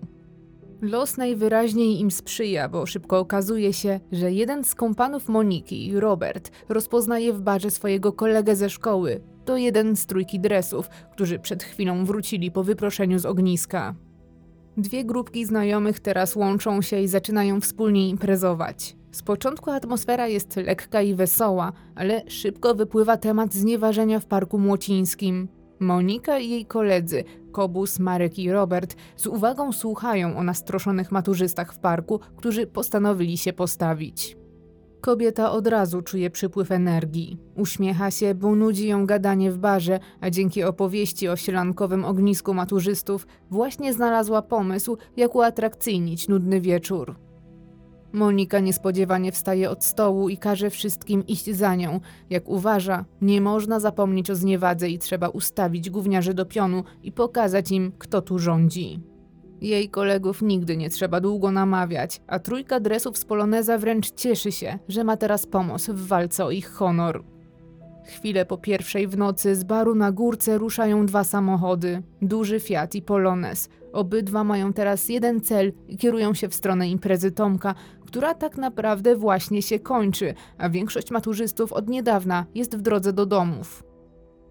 Kiedy dwa samochody wjeżdżają na polanę w parku, na zegarze wybija w pół do drugiej w nocy. Bandyci praktycznie od razu wyskakują z samochodów i rozbiegają się po parku. Pada tylko hasło dziewczyn nie ruszać. Pijani dresiarze zaopatrzeni w pałki i kije biją i okradają każdego, kogo uda im się złapać. Jedni dopadają chłopaka śpiącego na ławce, inni drugiego uciekającego w stronę drogi. W czasie, gdy zadają ciosy, reszta imprezowiczów w popłochu ucieka w krzaki i znika im z pola widzenia. Agresorzy mają już dwóch złapanych, ale ciągle im mało. Szukają kolejnych ofiar i przeszukują zagajnik, w którym schowany jest Tomek z koleżankami. W pewnym momencie zauważają jednak, że jakiś chłopak biegnie do zaparkowanego na parkingu dostawczaka. Ktoś spontanicznie rzuca hasło Trzepiemy kolesia z tranzita i po chwili wszyscy razem biegną w stronę wana. Uciekający przed nimi student wsiada do swojego auta i zamyka drzwi, ale bandyci nie odpuszczają. Wybijają mu kijami okna i obkopują całą karoserię. Chłopakowi udaje się jednak odpalić auto, ale napastnicy nie skończyli. Zastawiają mu drogę ucieczki własnym ciałem, a jeden z dresów wsiada do dużego Fiata i próbuje zastawić mu drogę. Chłopak w tranzycie jest jednak tak przerażony, że decyduje się na ostateczny krok i taranuje Fiata. Uderzonej osobówce odpada zderzak, a Ford ucieka. Nastaje cisza. Dresiarze są całkowicie zaskoczeni sytuacją, ale po chwili zdziwienie zastępuje totalna złość. Chcą, by ktoś odpowiedział za stłuczkę. Pod przywództwem Moniki znowu rozchodzą się na polanie i krzyczą, że wszyscy mają wyłazić, bo sami po nich pójdą. Nikogo jednak już nie ma na horyzoncie, a w okolicy panuje głucha cisza. Agresywna banda kręci się po parkingu. Monika i jej znajomi są wściekli, że mają uszkodzony samochód i że nikt za to nie odpowie. Kiedy zastanawiają się, co dalej, pomysł nasuwa się sam, bo z kępy krzaków na środku parku słyszą gwizd. Ktoś jednak tam jest. Adrenalina znowu buzuje w żyłach Moniki i jej kumpli, dlatego biegną w stronę kępy. Gdy są już coraz bliżej, nagle z krzaków wybiega chłopak i sprintem biegnie w stronę Wisłostrady. Napastnicy mają już tylko jeden cel dopaść go za wszelką cenę. Po krótkiej pogoni cała grupka z kijami dopada uciekiniera. To Tomek. Powalają go na ziemię, biją go i krzyczą, żeby dał im namiary na kolegę z tranzita. Nie patrzą, gdzie i jak mocno okładają, a kij jednego z agresorów dosłownie łamie się na maturzyście. Zszokowany i bezradny Tomek krzyczy, że nie zna kierowcy i żeby go puścili. Obiecuje też, że odda im wszystkie pieniądze, jakie ma przy sobie, byleby przestali. Mówi im prawdę, ale i tak nikt go nie słucha. Monika i jej koledzy nie wierzą Tomkowi. Wykrzykują, że kryje kumpla i że inaczej wyciągną od niego informacje. Na polecenie Moniki, jeden z agresorów łapie maturzystę za ubranie i ciągnie za sobą na parking. Potem otwiera bagażnik i wrzuca go do środka, a podczas zamykania uderza go klapą w głowę. Chwilę później do samochodu wsiada Szymańska razem ze swoją świtą, czyli Kobusem, Markiem i Robertem. Już sami, bez kolegów dresiarzy, podjeżdżają ponownie pod bar na górce. Zanim zastanowią się, co dalej, muszą się wyluzować i napić. Tomka zabierają ze sobą. Jest mocno oszołomiony, przez co nie stawia żadnego oporu. Kiedy wyciągają go z bagażnika, w oddali widać niebieskie światła. To policja zatrzymała właśnie kogoś do kontroli drogowej i stoją nie dalej jak 200 metrów od nich. Nikogo to jednak nie rusza, a sam Tomasz jest tak obolały i w takim szoku, że nie próbuje nawet krzyczeć czy uciekać. Świadkami całego zajścia jest za to obsługa baru, która widzi, jak maturzysta wyciągany jest z bagażnika. Na wszelki wypadek, jeden z mężczyzn świata podchodzi do właściciela i grozi mu, że jeżeli piśnie chociaż słowo, to skończy tak samo. Cała czwórka bandytów oraz Tomasz siadają przy stoliku. Spędzają tak w barze co najmniej godzinę. W tym czasie agresorzy dobrze się bawią, piją i świętują. Monika też świetnie się bawi, a momentami zachowuje się wręcz troskliwie wobec Tomka. Stara się opatrzyć jego ranę na głowie i pociesza go, że już niedługo wszystko się skończy. To jednak tylko perfidna gra. Mówi tak, by uśpić jego czujność i nie próbował wywinąć żadnego numeru.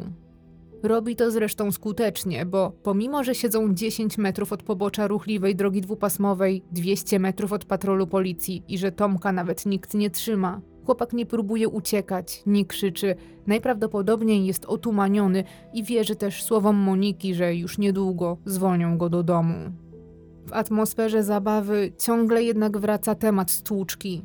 Co chwilę ktoś pyta Tomka spokojnym tonem, czy na pewno nie zna faceta od tranzita. Oferują mu nawet alkohol i zachęcają do imprezowania.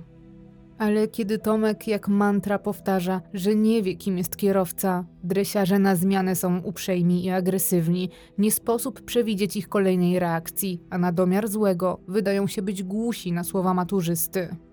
Są tak pewni siebie, że kompletnie nie przejmują się osobami postronnymi, które zaczynają dostrzegać, że coś tu jest nie tak. Widzą przecież pobitego i zdezorientowanego chłopaka w grupie nabuzowanych i wulgarnych ludzi, który co jakiś czas jest przez nich szarpany. Świadkowie są jednak na tyle przerażeni, że nie reagują, a wręcz wychodzą z baru i odjeżdżają, żeby nie sprowadzić kłopotów na siebie. Kiedy dochodzi trzecia w nocy, to znowu Monika ustala co dalej. Decyduje, że przenoszą imprezę do jej mieszkania i że Tomek idzie z nimi. Maturzysta ponownie, jak miało to miejsce wcześniej, zostaje wyszarpany z miejsca i wrzucony do bagażnika. W taki sposób zostaje przewieziony na brudno do meliny Moniki. To niestety dopiero początek jego koszmaru. Kiedy dojeżdżają na miejsce, maturzysta zostaje wyciągnięty z samochodu, a jego oprawcy bezkarnie ciągną go do mieszkania i wpychają do środka. W dużym pokoju przywiązują go do kaloryfera i ponownie atakują, dając upust swojej niekończącej się złości. Kiedy bicie im się nudzi, siadają do stołu i piją albo współżyją z Moniką. Potem znowu gnębią maturzystę, po czym wracają do swoich spraw. Zachowują się tak, jakby nie było różnicy między biciem a jedzeniem obiadu. Około czwartej nad ranem Monice znowu przypomina się, że jej auto jest uszkodzone. W towarzystwie kumpli siłą chcą wyciągnąć od Tomka informacje o kierowcy tranzita. Nic się jednak nie zmieniło. Tomek nie zna mężczyzny, a do jego oprawców ciągle to nie dociera. Monika wpada więc na inny pomysł. Skoro Tomek już ledwo mówi, to porozmawia z kimś innym. Bierze telefon i nakazuje chłopakowi, żeby ten wybrał numer do swojego domu. To właśnie wtedy rozmawia z jego mamą, ale ponownie niczego się nie dowiaduje. Brak informacji znowu wpędza w złość agresorów. Monika rzuca hasło, że trzeba chłopakowi odświeżyć pamięć i ponownie nakazuje swoim kolegom, żeby się nim zajęli. Po wszystkim idą oglądać żużel i znowu na chwilę zapominają o maturzyście. Prawdopodobnie wtedy telefon pozostaje w zasięgu Tomka, który wybiera dobrze znany mu numer do swojego kuzyna. Jest jednak już w takim stanie, że nie potrafi powiedzieć nic sensownego. Bredzi przez chwilę, po czym rozłącza się. Kuzyn myśli, że Tomek szepcze, bo nie chce budzić swoich rodziców. Nie ma pojęcia, że ta dziwna rozmowa to tak naprawdę rozpaczliwa próba ratunku. Koszmar porwanego maturzysty trwa tak całą sobotę. Monika, Kobus, Marek i Robert męczą go bez żadnych hamulców, w międzyczasie robiąc sobie przerwy na przyjemności. To, co robią, jest nieludzkie i odrażające, a mimo tego zachowują się, jakby w żaden sposób ich to nie ruszało. Nikt z całej czwórki ani przez chwilę nie okazuje litości, nawet gdy wieczorem Tomek już większość czasu jest nieprzytomny. Wciąż trwa sobota. Dochodzi godzina 21, a Tomka nie ma już w domu od ponad doby. Właśnie teraz Monika oznajmia wszystkim, że czas zakończyć imprezę i że jeżeli chcieli się bawić, to muszą bawić się do końca. To ona decyduje, że Tomek nie może zostać uwolniony i że jego czas nadszedł. Nakazuje Kobusowi i Markowi wsadzić nieprzytomnego już chłopaka do samochodu i jechać tam, gdzie im powie. Do domu odsyła tylko Roberta. Nie ufa mu, a wręcz nawet go nie lubi. Przez całą libację ignorowała go i w przeciwieństwie do dwóch pozostałych kolegów, jemu nie pozwalała się dotknąć. Teraz nie chce też, żeby był świadkiem tego, co się wydarzy. Godzinę później cała trójka, Monika, Kobus i Marek, podjeżdżają na ulicę Białołęcką nad kanał Żarański, jednak ilekroć próbują wysiąść z samochodu, przejeżdża obok nich to samo auto, zielony maluch. Płoszy ich to, dlatego odjeżdżają ukryć się w jednej z bocznych uliczek. Czekają i wracają dopiero za paręnaście minut. Zjeżdżają ponownie z ulicy Białołęckiej na szutrową drogę wzdłuż kanału. Jadą tak dwa kilometry, aż dojeżdżają na wysokość fabryki popularnego napoju gazowanego. Tam wchodzą do zagajnika leśnego i w piaszczystym podłożu na rozkaz Moniki, Kobus i Marek wykopują głęboki na metr dół. Pada deszcz. Jest ciemno i jak na czerwiec zimno, dlatego Monika schowana jest z Tomkiem w aucie. W czasie, gdy jej koledzy kopią w ziemi, Tomek jest już ledwo przytomny. Dziewczyna nie zwraca jednak na to uwagi i znowu zaczyna swoją bezduszną grę. Jest miła i troskliwa. Pociesza maturzystę i mówi, żeby dał jeszcze radę, bo już za chwilę go wypuszczą. To jednak okrutne kłamstwo. Niedługo później wyprowadza go z samochodu i słaniającego się na nogach doprowadza nad wykopany dół. Następnie wręcza dziewiętnastoletniemu kobusowi do ręki ostrze i oznajmia: kończ to. Tomek nie błaga o litość. Resztkami sił mówi tylko: dobij mnie, a dziewiętnastolatek posłusznie wykonuje polecenie Moniki.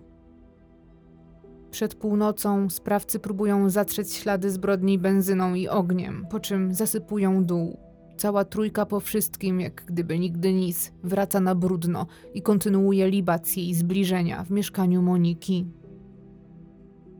Po odczytaniu wersji zdarzeń ustalonych przez prokuraturę, na sali zapada absolutna cisza. Każdy z obecnych ma ściśnięte gardło, a to dopiero początek tej trudnej drogi. Pierwszy na wokandzie staje biegły z zakresu patomorfologii, który zdaje raport z sekcji i kolejno listuje wszystkie obrażenia, jakich doznał umęczony chłopak. Ich ilość oraz sposób zadania przeraża publiczność i doprowadza panią Jadwigę do granic. O mało, nie traci przytomności. We wszystkim wspierają jej siostra, która wielokrotnie w czasie procesu krzyczy w stronę Moniki, nie dowierzając, jak można być tak okrutnym. Następnie głos zabierają kolejni biegli z Zakładu Kryminalistyki i Chemii Specjalnej Urzędu Ochrony Państwa, którzy z wykorzystaniem najnowocześniejszych w tamtym czasie technologii przeprowadzili 18 ekspertyz śladów biologicznych. Niektóre pobrano z przedmiotów z parku i mieszkania, z samochodu szymańskiej, inne dosłownie zdrapano razem z tynkiem ze ściany pokoju. Badania te pozwoliły na jednoznaczne określenie kim byli jego oprawcy, co potwierdza ustalenia prokuratury. Udało się także ustalić, że duży Fiat należący do Moniki posiada przebite numery nadwozia i prawdopodobnie jest kradziony. Pierwszy z oskarżonych, który wezwany jest do wyjaśnień, to Robert o pseudonimie Biały, 19-letni, postawny chłopak.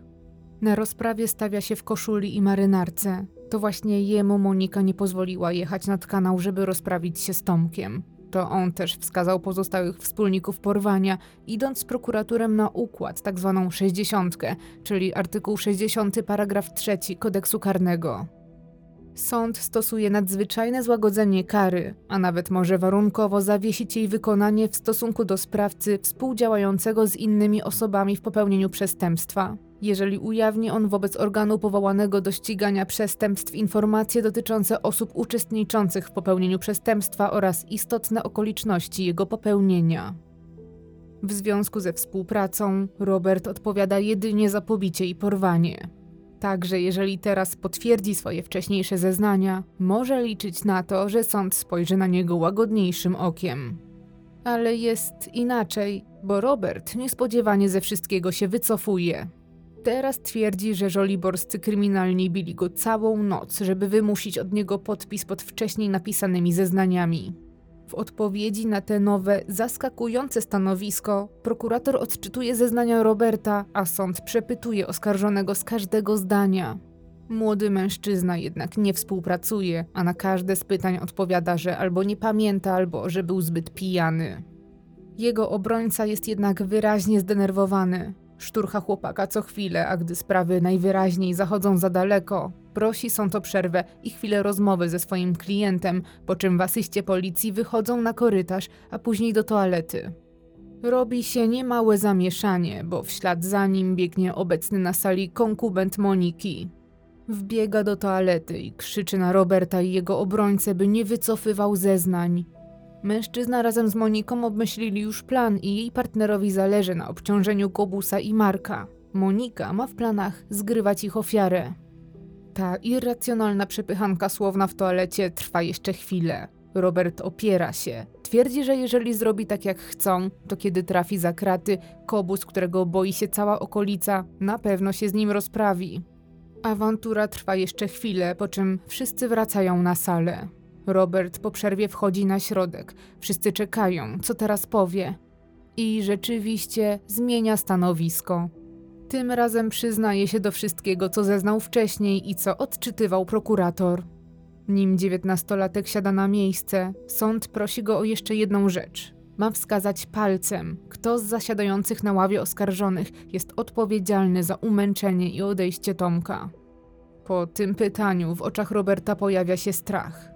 Cała trójka wpatruje się w niego, a on wyraźnie się waha. Ostatecznie jednak podnosi rękę i wskazuje palcem na całą trójkę, na Monikę, Kobusa i Marka. Ten gest rozwiązuje język Roberta, który teraz już bez wahania obciąża Kobusa. Opowiada nawet, że ten przyznał mu się później, że to on zadał Tomkowi ostateczny cios. Mało tego, swój czyn podsumował koledze słowami ze znanego monologu z filmu Psy 2 Wyrwałem chwasta. Wszyscy na sali wstrzymują oddech. Ta historia, obojętność i degeneracja tak młodych ludzi poraża. Na sali po tym cytacie zapada wręcz przeraźliwa cisza, a prokurator przerywa ją, przytaczając gryps od Roberta, który przechwycono z aresztu. W liście oskarżony pisze do swojej dziewczyny: Szkoda mi go, ale z drugiej strony to chuj Nienawidzę studentów. Jest 25 maja 1998 roku. Dzisiaj ma miejsce druga rozprawa. Na wokandę wezwana zostaje ta osoba, na której tłumaczenia czekają wszyscy Monika. Tym razem przed salą nie ma już takich tłumów, jednak chociaż w mniejszej liczbie, to zebrani w sądzie ludzie są jeszcze bardziej rozjuszeni niż ostatnio. Wiedzą już, z kim mają do czynienia, krzyczą do oskarżonych, wyzywają ich od zwierząt i bestii, rzucają też groźby karalne. Widać, że pierwszy proces wstrząsnął opinią publiczną tak bardzo, że dzisiaj wszystkim puszczają już hamulce. Kilkukrotnie interweniować musi policja. Dzisiejszą rozprawę rozpoczyna szefowa bandy. Tak jak zdradził jej partner w rozmowie z Robertem, gra ofiarę. Mówi, że jako jedyna w towarzystwie kobieta została zdominowana przez Kobusa i Marka i że od początku była przeciwna uprowadzeniu i męczeniu chłopaka. Twierdzi, że w nocy z 13 na 14 czerwca została wielokrotnie przez nich wykorzystana i pojono ją alkoholem. Przyznaje, że faktycznie brała udział we wszystkich wydarzeniach, ale robiła to biernie i ze strachu, bo bała się sprzeciwić agresywnym kolegom. Monika przez cały czas próbuje postawić się w jak najlepszym świetle. Bez mrugnięcia okiem i z żalem w głosie opowiada m.in. o trosce, z jaką traktowała chłopaka i o tym, że starała się opatrywać jego rany. Cytuje nawet jednego z jej koleżków, który widząc jak zajmuje się Tomkiem, rzucił do niej ty już nie bądź taka Marusia, mając na myśli sanitariuszkę z czterech pancernych. Monika usiłuje przekonać wszystkich, że nie była świadoma losu Tomka. Opowiada, że według jej wiedzy Kobus i Marek zawieźli go nad kanał i przywiązali do drzewa. Wypiera się, by w ogóle była na miejscu. W kółko powtarza, że boi się pozostałych oskarżonych, a najbardziej Kobusa, który podobno wielokrotnie jej groził. Prokurator jednak nie wierzy jej słowom i przed wszystkimi cytuje przechwycony gryp z Kobusa do Moniki sprzed pierwszego dnia procesu, gdzie ten pisze pokrzepiającą i pełną wsparcia wiadomość do koleżanki. Życzy jej, żeby się trzymała. Ujawnione zostaje też, że Kobus od dawna biega za Moniką, a nawet regularnie zajmuje się jej dziećmi. Cała linia obrony oprawczyni Tomka nie trzyma się kupy i nikt spośród zgromadzonych na sali w nią nie wierzy. Po wysłuchaniu wyjaśnień Szymańskiej znowu zapada cisza, a na salę sądową na stoliku na kółkach wjeżdża telewizor. Prokurator uruchamia na nim nagranie z wizji lokalnej, jaka miała miejsce w mieszkaniu kobiety. Dopiero teraz sąd i publiczność zaobserwować mogą całkowicie inne wcielenie oskarżonej niż to, które widzą teraz. Na ławie oskarżonych siedzi skromna, skruszona dziewczyna, zaś w telewizorze widać wulgarną, natarczywą i niewychowaną kobietę ubraną w dresy.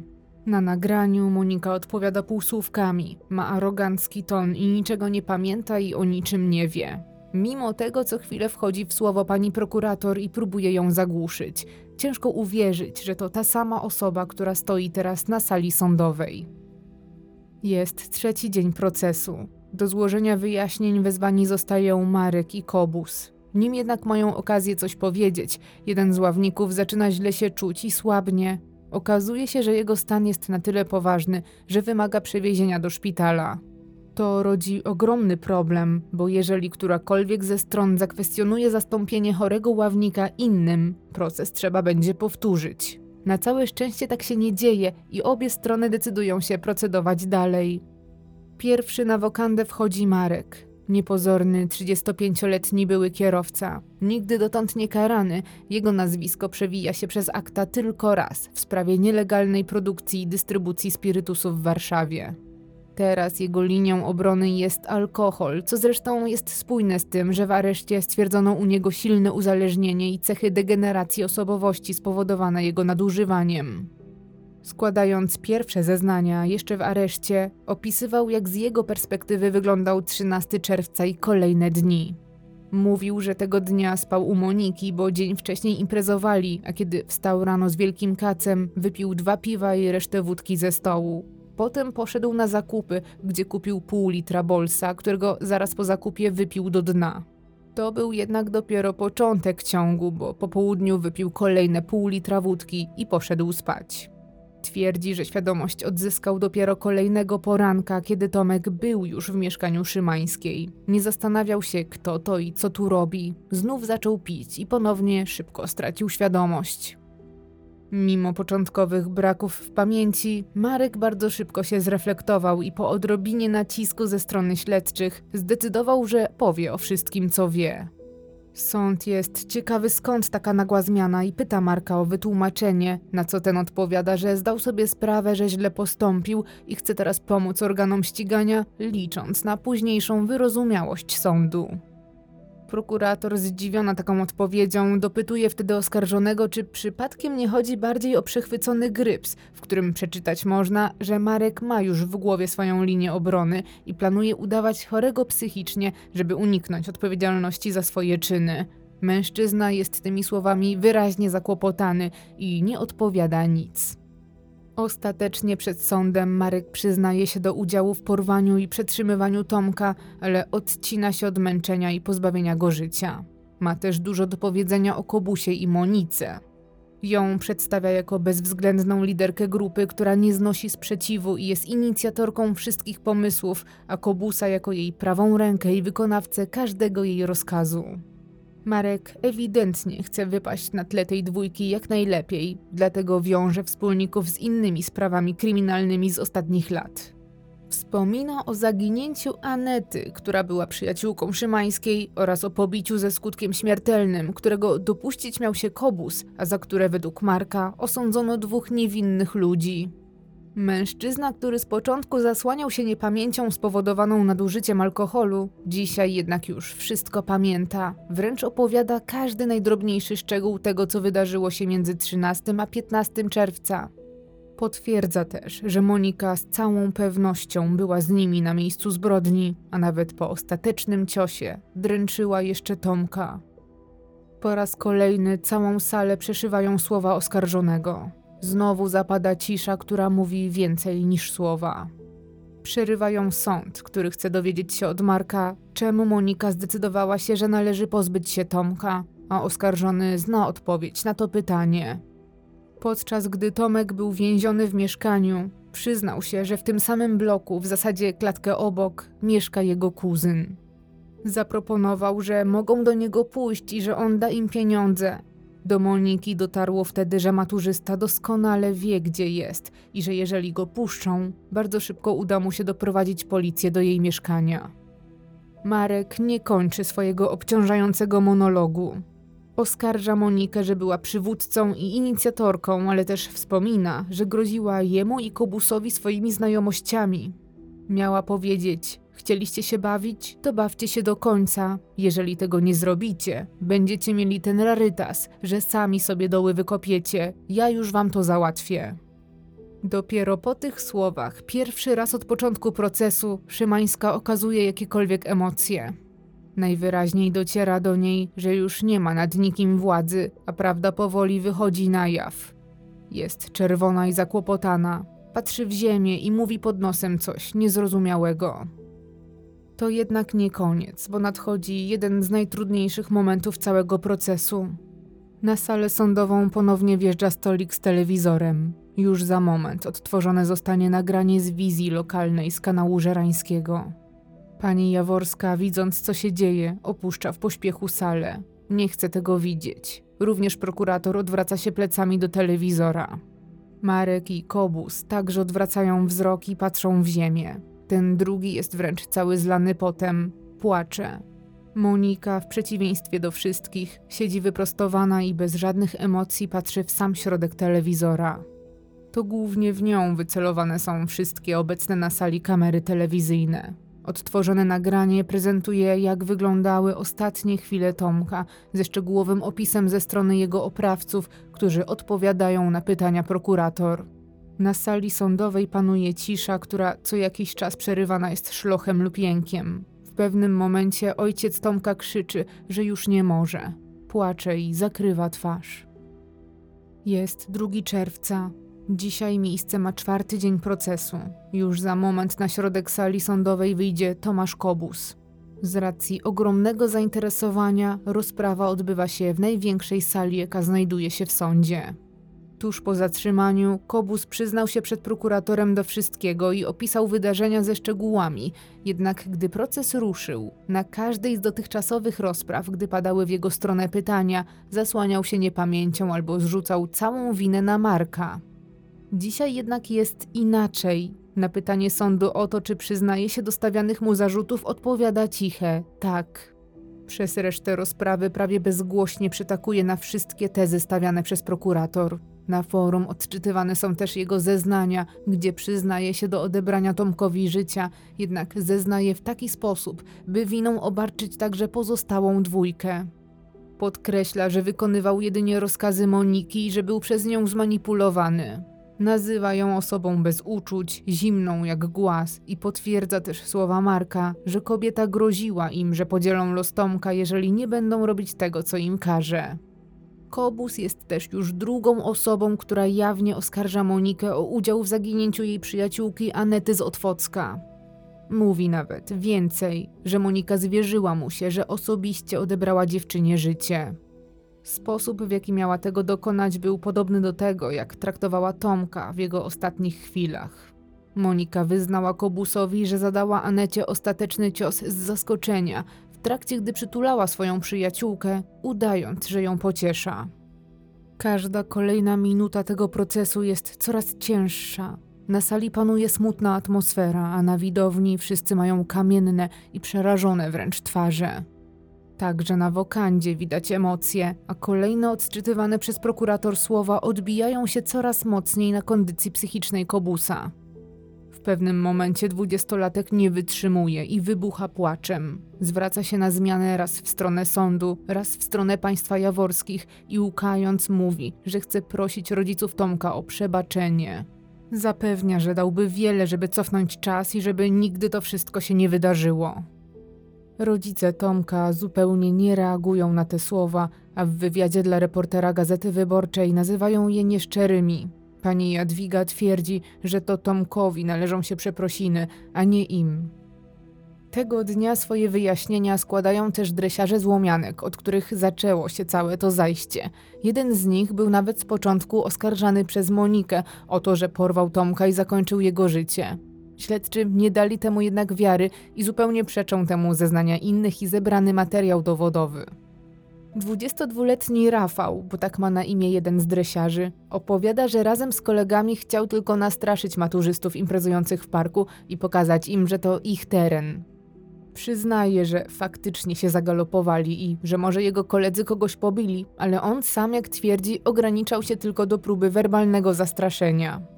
Za winnego całego zajścia uważa swojego kolegę Maćka, który to poczuł się najbardziej znieważony i to on podobno wpadł na pomysł zemsty. Po nim na wokandzie stają kolejni strójki dresów, Mirosław i Maciek, którzy zaprzeczają słowom Rafała. Twierdzą, że on jest tak samo winny jak i oni, a jego zeznania obciążające mają być zemstą za to, że jako jedyny został aresztowany. Mężczyźni jednak zgodnie zeznają, że kiedy zobaczyli bestialstwo Moniki i jej kolegów, byli w szoku i próbowali interweniować, a nawet powstrzymać agresorów. Zostali jednak zignorowani, wręcz przestraszyli się i nie chcieli dalej w tym uczestniczyć. Dlatego pozwolili na to, żeby Monika z kolegami zabrali ze sobą Tomka i rozdzielili się. Jest 14 czerwca 1998 roku. Państwo jaworscy właśnie obchodzą rocznicę śmierci Tomka. By uczcić jego pamięć, w ich domu zjawia się rodzina z 11-letnim Jasiem, kuzynem ich syna. Niedoszły architekt był idolem małego chłopca. Jaś uwielbiał spędzać z nim czas, a Tomek był bardzo cierpliwy i zawsze poświęcał mu całą swoją uwagę. Razem rysowali wieżowce i rozmawiali o wszystkim i o niczym. Jaś bardzo przeżywa stratę. Gdy wszyscy siedzą przy stole, nieoczekiwanie mówi: Chciałbym, żeby był koniec świata, umarlibyśmy i spotkalibyśmy się z Tomkiem, albo żeby był wehikuł czasu, cofnąłbym się w czasie i to wszystko by się nie wydarzyło. Jest poniedziałek 15 czerwca. Dzisiaj będzie miał miejsce najbardziej dramatyczny i przygnębiający etap procesu. Dzisiaj zaplanowane jest odtworzenie nagrania z momentu wydobycia ciała. Kiedy już po raz trzeci od początku tego procesu na salę wjeżdża telewizor, mama Tomka od razu wstaje z miejsca i wybiega na korytarz.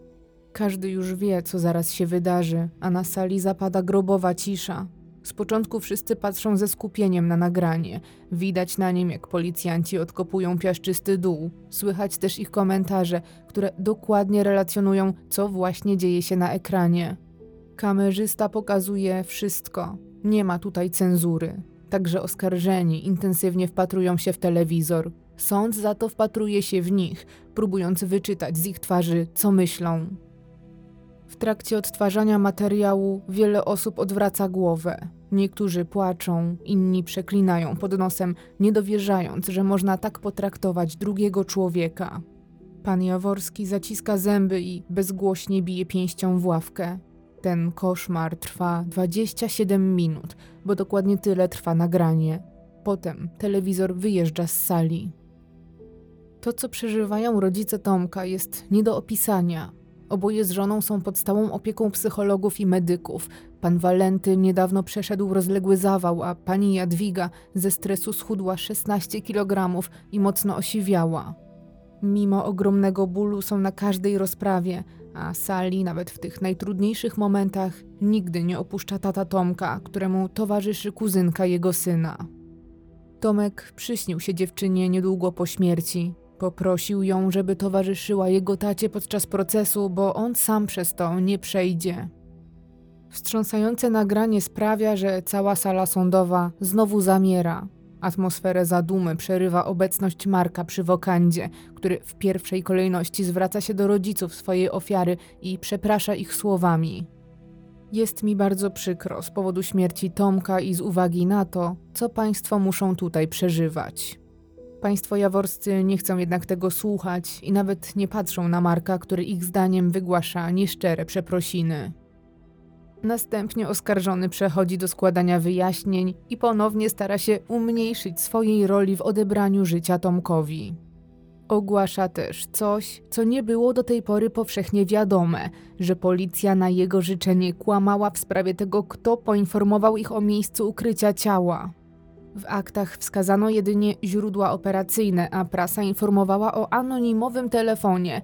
Marek zdradza jednak, że nie było żadnego telefonu, a te informacje wypłynęły od niego. Mężczyzna podkreśla też, że sam od razu do wszystkiego się przyznał i wskazał Monikę i Kobusa jako wspólników. To również on miał przekazać informację o tym, że narzędzie zbrodni zostało wyrzucone do kanału, dzięki czemu policyjnym płetwonurkom łatwo udało się je później odnaleźć i przekazać do ekspertyz. Stanowi zresztą jeden z koronnych dowodów w sprawie. Oskarżony opowiada teraz, w jakich okolicznościach przekazał te informacje i mówi, że robił to w obecności tylko jednego policjanta, wyznaczonego wcześniej przez komendanta, którego poinformowano o chęci współpracy wyrażonej przez Marka. Tłumaczy też swoją decyzję o prośbie o zatajeniu tej informacji. Jak twierdzi, bał się o swoją rodzinę, która mogłaby stać się celem zemsty Moniki, Kobusa czy ich znajomych, którzy uznaliby go za kapusia. Dzisiaj jednak chcę głośno powiedzieć, że od początku współpracował z policją i ma nadzieję, że to wyznanie zadziała na jego korzyść. Marek żali się też sądowi, że jego obawy są jak najbardziej słuszne, bo nawet już po aresztowaniu dosięga go gniew wspólnika.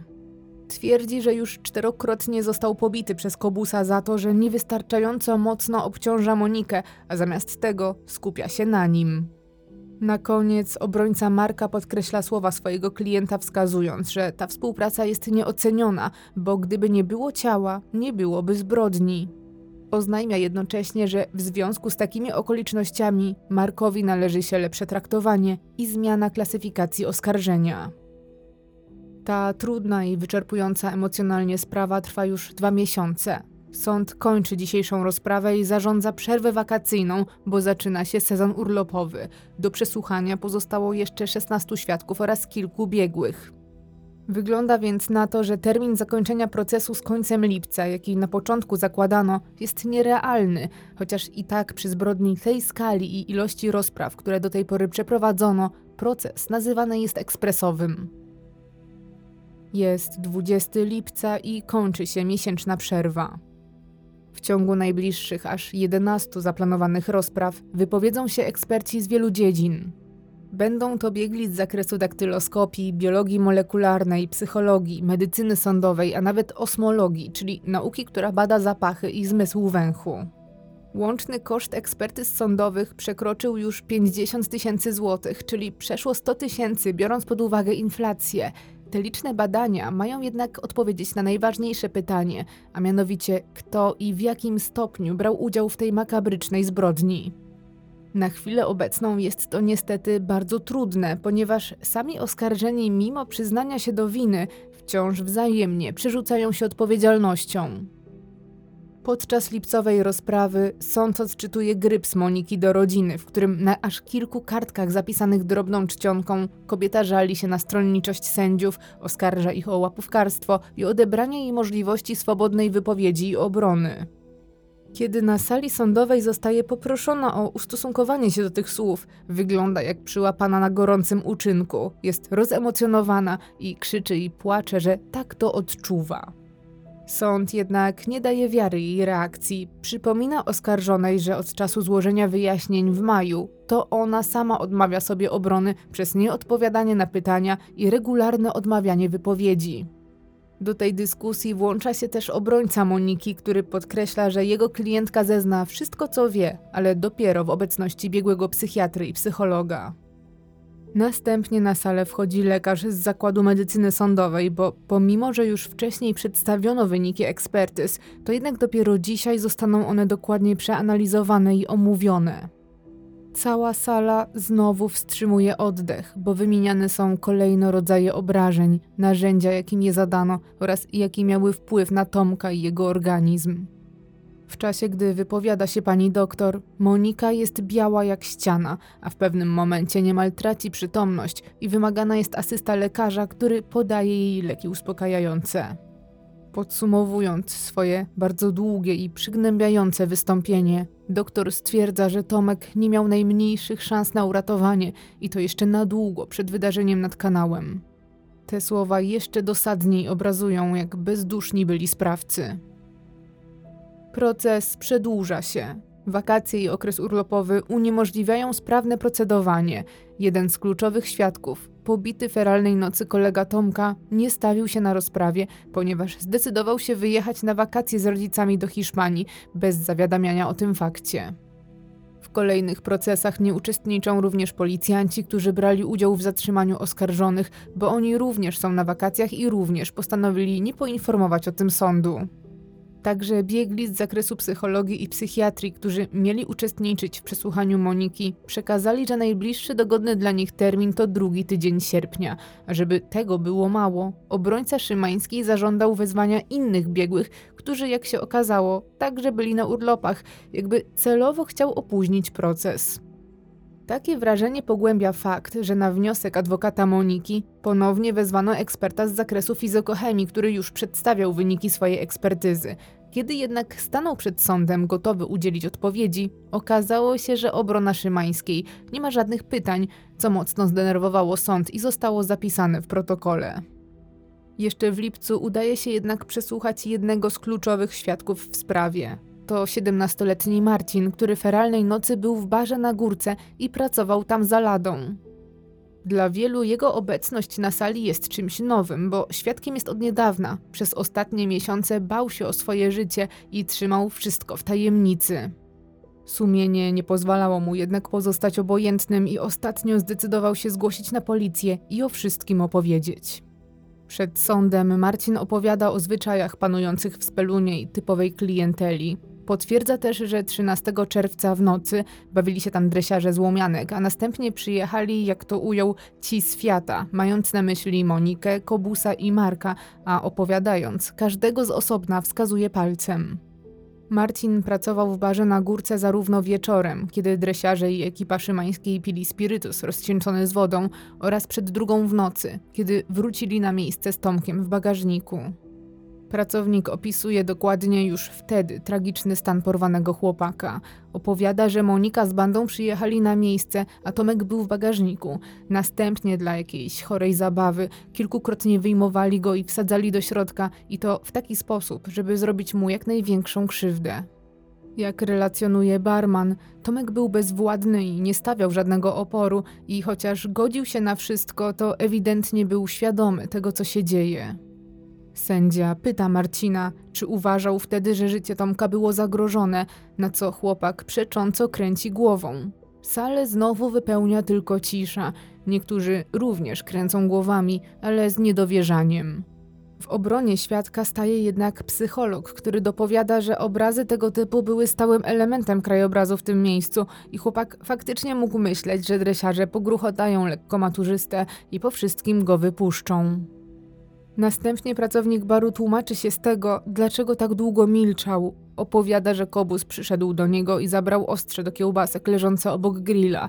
Potem triumfalnie pokazał go swoim kompanom i skwitował, że taki na pewno starczy. Kiedy po godzinie picia, zabaw i śmiechów ekipa szymańskiej postanowiła się zbierać, Kobus ponownie podszedł do niego i na ucho szepnął mu: Jak nas sypniesz, to cię zakopiemy. Dzisiejszy dzień w sądzie jest pełen skrajnych emocji, bo dzisiaj głos zabierają też bliscy samych oskarżonych. Dziewczyna Roberta, który jako jedyny nie był nad kanałem, mówi, że to dobry chłopak. Jej zdaniem spokojny, niewulgarny, a na pewno niezdolny do zrobienia komuś krzywdy. W odpowiedzi jednak sąd raz jeszcze odczytuje przechwycony od niego gryps. Szkoda mi go, ale ch... w d***e. Nienawidzę studentów. A na sali znowu zapada wymowna cisza. Na samym końcu wypowiada się Cezary, wieloletni przyjaciel Moniki. W przeciwieństwie do tego, co mówili inni, on chwali ją jako matkę, która jego zdaniem w pełni oddawała się dzieciom i prowadziła czysty, spokojny dom. Chwali też Kobusa, który poświęcał czas na zajmowanie się dziećmi Moniki, a Marka, którego we wcześniejszych zeznaniach opisywał z dużą dokładnością, dzisiaj nie poznaje i twierdzi, że widzi go pierwszy raz. Cezary wyraźnie próbuje stworzyć iluzję dobroci i normalności wśród oskarżonych, jednak jego słów nie potwierdza praktycznie nikt. Jego wiarygodność jest zresztą znikoma. Sam dwa tygodnie później zostaje aresztowany za rozbój i udział w napadzie. Jest ostatni dzień lipca. Zakład Kryminalistyki i Chemii Specjalnej i Zakład Medycyny Sądowej w Bydgoszczy przedstawiają wyniki ekspertyz materiału genetycznego zbadanego na ponad 17 próbkach zebranych od ofiar, oskarżonych i z miejsca zbrodni. Wśród badanych dowodów jest m.in. trawa znaleziona w bagażniku auta szymańskiej, tynk ze ścian w jej mieszkaniu, dywan czy ubrania oskarżonych. Wszystkie wyniki potwierdzają udział głównej czwórki oskarżonych w porwaniu i udręce Tomka oraz dodatkowo wskazały, że dwóch z trójki dresiarzy z baru miało kontakt z Tomkiem w czasie ataku w parku, a ryzyko błędu w badaniach wyznaczono na 1 do biliona. Szansa na pomyłkę graniczy więc z cudem. Tydzień później wyniki swoich badań przedstawiają eksperci z zakresu osmologii. Biegły nadkomisarz, który pracował ze specjalnie szkolonymi psami, znajduje się w ogniu pytań i broni 21 ekspertyz przeprowadzonych przez jego zespół. Okazuje się, że to zapach kobusa zidentyfikowano na połamanym kiju, który znaleziono na polanie w parku. Zapach Tomka znaleziono też w samochodzie szymańskiej, zarówno na tylnej kanapie, jak i w bagażniku, a następnie na tapczanie w jej mieszkaniu i śpiworze, którym przykrywano Tomka w momencie, gdy akurat go nie bito. To kolejne koronne dowody w sprawie. Chociaż dowodów winy przybywa, to pojawiają się też pewne rozbieżności, które oczywiście stara się wykorzystać obrona, bo oprócz kobusa na kiju z polany, psy wyczuły też zapach jednego z dresiarzy złomianek, jednak jego nie oskarżono o udział w maltretowaniu. Tak samo za kierownicą dużego Fiata znaleziono zapach drugiego z dresiarzy, jednocześnie zarówno jego zdaniem, jak i oskarżonych czy samej prokuratury chłopak nigdy nie wsiadł nawet do samochodu Moniki. Biegły wyjaśnia jednak, że nie ma takiej możliwości, żeby przenieść czy pozostawić gdzieś zapach bez fizycznej obecności, co wprowadza zamieszanie i co próbuje wykorzystać Monika i jej obrona. Razem chcą nie tylko zwrócić uwagę na te rozbieżności, ale przy okazji próbują forsować swoją wersję, że Szymańska nie widziała momentu morderstwa, bo nie było jej nad kanałem. Obrona w pewnym sensie zabezpiecza swoją klientkę, że jeżeli jej zapach odnaleziono nad wodą, to pewnie znalazł się tam w taki sam dziwny sposób, jak zapach jednego z dresiarzy w jej samochodzie. Szybko jednak okazuje się, że w pobliżu kanału wcale nie przeprowadzono ekspertyz osmologicznych, ponieważ ktoś z góry zadecydował, że rozlana tam benzyna miałaby istotny wpływ na wyniki, które mogłyby zostać zafałszowane. W ten sposób Monika sama sprowadza na siebie kłopoty, bo w oczach sądu i prokuratury wygląda to tak, że oskarżona jednak obawia się, że pozostawiła swój zapach na miejscu zbrodni, a przecież nie powinna, skoro jak twierdzi, nigdy tam nie była. Sąd odnotowuje ten fakt. Obrona Szymańskiej zadaje tak dziwaczne pytania, że te wręcz przyprawiają biegłego nadkomisarza o śmiech. Obrońca, szukając jakiejś luki, wypytuje, czy pies nie reaguje czasem czulej na zapachy kobiece jako na bardziej atrakcyjne, na co słyszy w odpowiedzi, że oczywiście dla kanarka, bo tak miał na imię pies, zapach rzeźnika będzie bardziej atrakcyjny niż zapach pana mecenasa. Chociaż mimo tej sytuacji sprawa jest bardzo poważna, to obrazuje to też, jak bardzo obrona musi się gimnastykować, żeby wybawić swoich klientów z opresji. Nadchodzi 7 sierpnia. Mimo, że to już 16 rozprawa w tym procesie, to dzisiaj sala sądowa i korytarz przed nią wypełnione są do pełna, niemal tak jak przed pierwszą majową rozprawą. To wszystko za sprawą tego, że dzisiaj o 10 swoją obronę rozpocznie Szymańska. Kiedy kobieta w eskorcie policji wchodzi do budynku sądu, tłum krzyczy w jej stronę obelżywe epitety. Niektórzy przyszli tu tylko po to, żeby wyrazić swój gniew. Mimo tak ogromnej niechęci, oskarżona idzie pewnym krokiem i patrzy przed siebie. Zanim jednak zostanie dopuszczona do głosu, wypowiedzą się biegli z zakresu psychologii i psychiatrii, którzy przedstawią wyniki swoich ekspertyz. Te jednak odbędą się za zamkniętymi drzwiami, a do opinii publicznej przekazane zostają jedynie skrócone podsumowania. 35-letni Marek to nałogowy alkoholik ze zdegenerowaną osobowością i niską inteligencją. Ma też wyraźne cechy psychopatyczne i problemy z agresją. Dwudziestoletni Kobus także jest agresywny, podatny na manipulacje i pozbawiony emocji. Biegli określają, że nie liczy się z normami społecznymi, chociaż zna je i rozumie. Do tego ma przeciętny iloraz inteligencji i mimo tak młodego wieku jest już w początkowych fazach silnego uzależnienia od alkoholu. 25-letnią Monikę z kolei cechuje nieumiejętność nawiązywania relacji z ludźmi. Eksperci określają, że jest doskonałą manipulatorką, która nie liczy się z nikim poza sobą. Kobieta ma też niską samoocenę i prezentuje szereg typowych cech znanych ze środowisk wysoce patologicznych i przestępczych. Biegli zauważają też, że Monika w sytuacjach stresowych stosuje takie mechanizmy obronne jak wyparcie czy zaprzeczenie. Chociaż jej iloraz inteligencji oceniają na 110 punktów, to jej odczuwanie empatii i współczucia nie jest w pełni wykształcone. Podobnie jak u jej kolegów, problemem jest alkohol, który pije od lat nastoletnich i po którym staje się zaczepna i agresywna. Co jednak bardzo ciekawe, specjaliści zauważają, że Monika, gdyby tylko chciała, mogłaby poprowadzić swoje życie inaczej, bo ma do tego warunki. Wymaga to jednak z jej strony wysiłku, którego, jak oceniają, nie lubi podejmować. Po tym w rzeczywistości znacznie dłuższym wystąpieniu biegłych, sala sądowa ponownie otwiera drzwi i publiczność może zająć miejsca. Rozpoczyna się długo planowana obrona Szymańskiej, jednak wbrew oczekiwaniom, że tym razem powie wreszcie prawdę, dziewczyna powtarza te same wyjaśnienia, które składała już w maju. Znowu gra ofiarę i podkreśla, że została wykorzystana przez Kobusa i Marka, że przeciwstawiała się przemocy i że pomagała Tomkowi ile tylko mogła, pocieszając go i opatrując jego rany. Pytana o szczegóły albo nieścisłości w jej wyjaśnieniach, od razu zacina się, jąka albo broni tym, że nie działała racjonalnie, bo obawiała się agresji ze strony towarzyszących jej mężczyzn. Ale im więcej pytań zadaje sąd i prokuratura, tym Monika bardziej plącze się w zeznaniach. Nie wytrzymują nawet osoby z widowni, a z tyłu sali co jakiś czas padają komentarze jak daj sobie spokój czy siadaj już. Ale Monika kontynuuje swoją grę, odpowiada wręcz na zażenowanie publiczności słowami, że nie może przerwać, bo inaczej Robert zrobi jej krzywdę.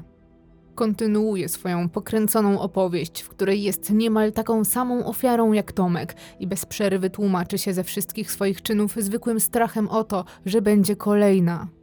Kiedy sąd dopytuje o szczegóły tego, co zaszło w jej mieszkaniu na brudnie, odpowiada tylko: Nie wiem, ciężko powiedzieć, czy nie mogę odpowiedzieć na to pytanie, co nie dodaje jej wiarygodności. Monika podtrzymuje też swoje zeznania, że nie tylko nie pojechała nad kanał Żerański, ale też, że była przekonana, że Marek i Kobus zawieźli tam Tomka, by puścić go wolno. Dodaje jednak coś nowego. Twierdzi, że o jego śmierci dowiedziała się dopiero w momencie zatrzymania, a nie jak zeznała w prokuraturze następnego dnia. Stara się też przekonać wszystkich, że według jej wiedzy Kobus miał przywiązać porwanego do drzewa i zostawić tak, by ktoś go odnalazł w krótkim czasie. W końcu po drugiej stronie kanału była duża fabryka i na pewno ktoś by go zauważył.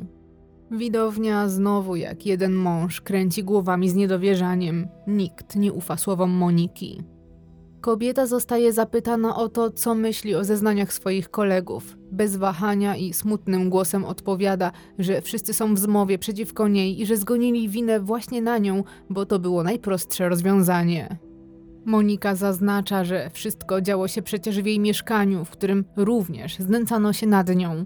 Sąd chce zgłębić ten temat i zadaje Monice liczne pytania. Dopiero pociągnięta za język oznajmia, że w trakcie porwania była wielokrotnie wykorzystywana przez Marka i Kobusa.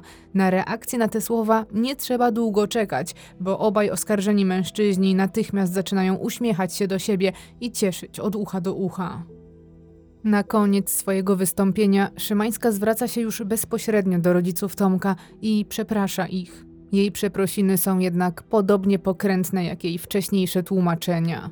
W zasadzie mówi tylko o sobie, a nie o Tomku. Zaczyna żalić się zrozpaczonym rodzicom, że od pierwszego dnia zatrzymania jest poniżana i wyzywana przez policjantów i że nikt na tej sali nie widzi w niej człowieka.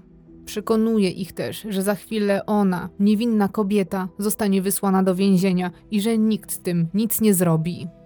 Mama Tomka patrzy na nią z obrzydzeniem, a po rozprawie komentuje krótko. Całe te wyjaśnienia jej postać są odrażające. Kilka dni później powtarza się sytuacja z Maja i jeden z ławników podupada na zdrowiu. Tym razem jednak rozprawy zostają przeniesione na późniejszy termin, ponieważ istnieje zagrożenie, że obrońca Szymańskiej nie zgodzi się na wykorzystanie ławnika zapasowego bez konieczności powtarzania całego procesu. Z tego też powodu odwołane są wszystkie sierpniowe terminy, a kolejne rozprawy zaplanowane są na listopad, bo do tej pory żaden z sędziów nie odbył jeszcze urlopu wakacyjnego. Ostatnią decyzją sądu przed rozpoczęciem kolejnej, tym razem prawie trzymiesięcznej przerwy, jest powołanie biegłego seksuologa do ocenienia Szymańskiej oraz jej relacji z Kobusem i Markiem. Biegły zostaje powołany na wniosek obrońcy Moniki, który chce udowodnić, że kobieta faktycznie była ofiarą. Jest listopad 1998 roku. Po niecałych trzech miesiącach proces rusza na nowo. Sąd oczekuje jedynie na ostatnie ekspertyzy biegłych i jeżeli nie pojawią się nowe wnioski, będzie można przejść do mów końcowych. Pierwszy wyniki swoich badań składa seksuolog, który określa Monikę jako kobietę o cechach dominujących i męskich, posiadającą silną osobowość i zdolność oddziaływania na mężczyzn. W kompletnie przeciwnym świetle przedstawia zaś Marka i Kobusa, którym przypisuje wiele cech ze spektrum kobiecego. Uznaje ich za uległych i łatwo poddających się manipulacjom. Seksuolog nie wyklucza, ale poddaje w dużą wątpliwość stanowisko Moniki, że to ona była zmanipulowana przez pozostałych oskarżonych. Jego zdaniem jest to bardzo mało prawdopodobne. By te słowa wybrzmiały mocniej, prokurator przytacza zeznania Marka, który twierdzi, że Kobus, mimo że był młodszy i był w związku, utrzymywał Monikę z drobnych kradzieży i rozbojów, co obrazuje, jak bardzo był jej poddany. W następnym etapie wypowiadają się również psychologowie, którzy poproszeni zostali przez obronę o wydanie kolejnej opinii na temat oskarżonych. Wyniki nowych ekspertyz nie zmieniły się jednak, a także biegli nie widzą podstawy do przeprowadzenia obserwacji w szpitalu psychiatrycznym. W związku z brakiem nowych wniosków i wyczerpaniem puli świadków i biegłych, sąd zarządza, że na kolejnej rozprawie wygłoszone zostaną mowy końcowe, a następnie zapadną wyroki. Nadchodzi 10 listopada 1998 roku. To dzień mów końcowych. W ostatnim etapie procesu pierwsza głos zabiera prokurator, która żąda dla trójki głównych oskarżonych kary dożywotniego pozbawienia wolności. Przez kilka godzin raz jeszcze opisuje wszystko, co zdarzyło się między 13 a 15 czerwca zeszłego roku, a całość kwituje porażającym stwierdzeniem. Co się tam działo, nie sposób opowiedzieć, skoro ślady Tomka zdrapywano z tynku ścian. Mówi też, że nie widzi w nikim z oskarżonych skruchy i nie odnajduje żadnych okoliczności łagodzących wobec nikogo z trójki.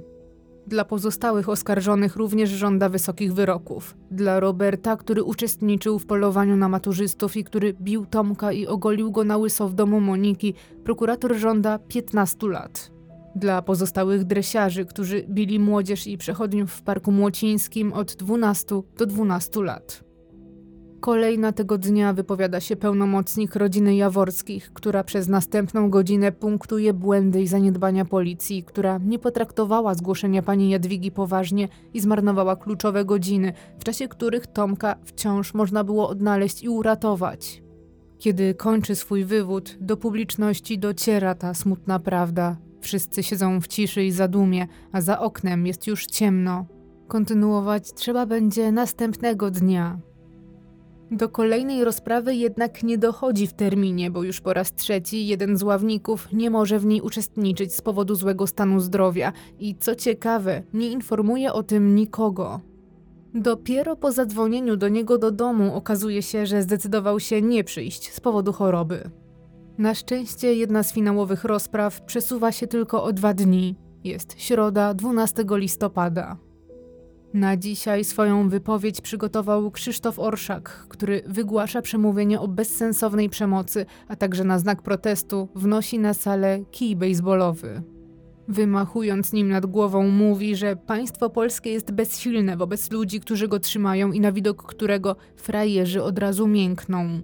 To właśnie taki kij Robert w swoich zeznaniach nazwał zapałką, która złamała się na głowie Tomka. Przypomina też wszystkim gryps Roberta do dziewczyny, w którym pisze, że szkoda mu chłopaka, ale nienawidzi studentów. Podsumowuje te bezduszne słowa mówiąc, że ten proces ujawnił antagonizm między tymi co do warsztatu, a tymi co do biura, bo kim jest Tomasz Kobus? Nie ma ani wykształcenia, ani żadnego celu w życiu i czuje się niewiele wart. Może zaistnieć tylko poprzez agresję, poprzez pobicie inteligenciaka z liceum. Orszak Prezes Stowarzyszenia Przeciwko Zbrodni imienia bestialsko zamordowanej Jolanty Brzozowskiej żąda dla całej trójki dożywocia bez prawa przedwczesnego zakończenia wyroku. Wywód swój kończy cytatem: Prawo uwalnia tych, którzy czynią zło, od możliwości jego czynienia. Następnie miejsce mają mowy końcowe obrony. Pierwszy jest adwokat Moniki Szymańskiej. Podtrzymuje ustaloną narrację. Mówi, że jego klientka jest ofiarą mediów i społeczeństwa, które wykreowały ją na bestię bez uczuć i krzty człowieczeństwa. Podkreśla, że to przecież Monika była ofiarą. Mecenas oskarża policję, mówiąc, że celowo uwzięła się na Szymańskiej, aby odciążyć Marka i zapewnić mu łagodniejszy wyrok w zamian za współpracę. Podważa też realny udział Moniki w maltretowaniu Tomka i tłumaczy, że Szymańska była zastraszona przez swoich kompanów i nie miała wpływu na to, co działo się między 13 a 15 czerwca.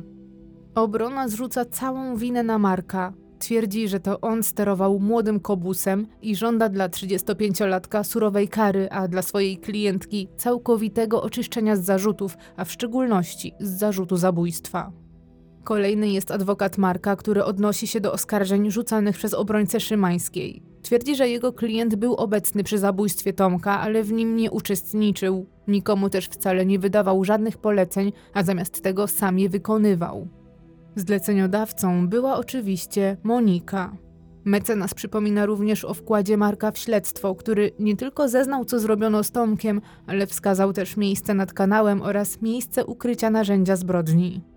Podkreśla też, że z tego powodu oskarżonemu należy się specjalne traktowanie z artykułu 60 paragraf 3 kodeksu karnego o nadzwyczajnym złagodzeniu kary dla oskarżonych, którzy współpracują z organami ścigania i przekazują im kluczowe dla śledztwa informacje. Ostatni wypowiada się adwokat Kobusa, jego klient przyznał się do wszystkich stawianych mu zarzutów. Przedstawia go jako naiwnego chłopca podatnego na manipulacje, stanowiącego poniekąd narzędzie w rękach wyrachowanej Moniki. Swoją tezę popiera opiniami przedstawionymi przez psychologa i seksuologa. Prosi sąd o obniżenie kary do 25 lat, motywując to młodym wiekiem kobusa i szansą na resocjalizację i powrót do społeczeństwa. Adwokat Roberta, chłopaka, który nie pojechał nad kanał, żąda wycofania oskarżeń o pobicie kolegi Tomka oraz o niezawiadomienie policji, a w przypadku pozostałych oskarżeń prosi o jak najbardziej łagodny wymiar kary. Mecenas przedstawia swojego klienta jako mało inteligentnego i słabo rozwiniętego emocjonalnie, co sprawiło, że wpadł w złe towarzystwo, a ostatecznie, że znalazł się feralnej nocy na polanie. Pozostali adwokaci reprezentujący dresiarzy złomianek również starają się wybielić swoich klientów, przerzucając się nawzajem odpowiedzialnością i zarzutami.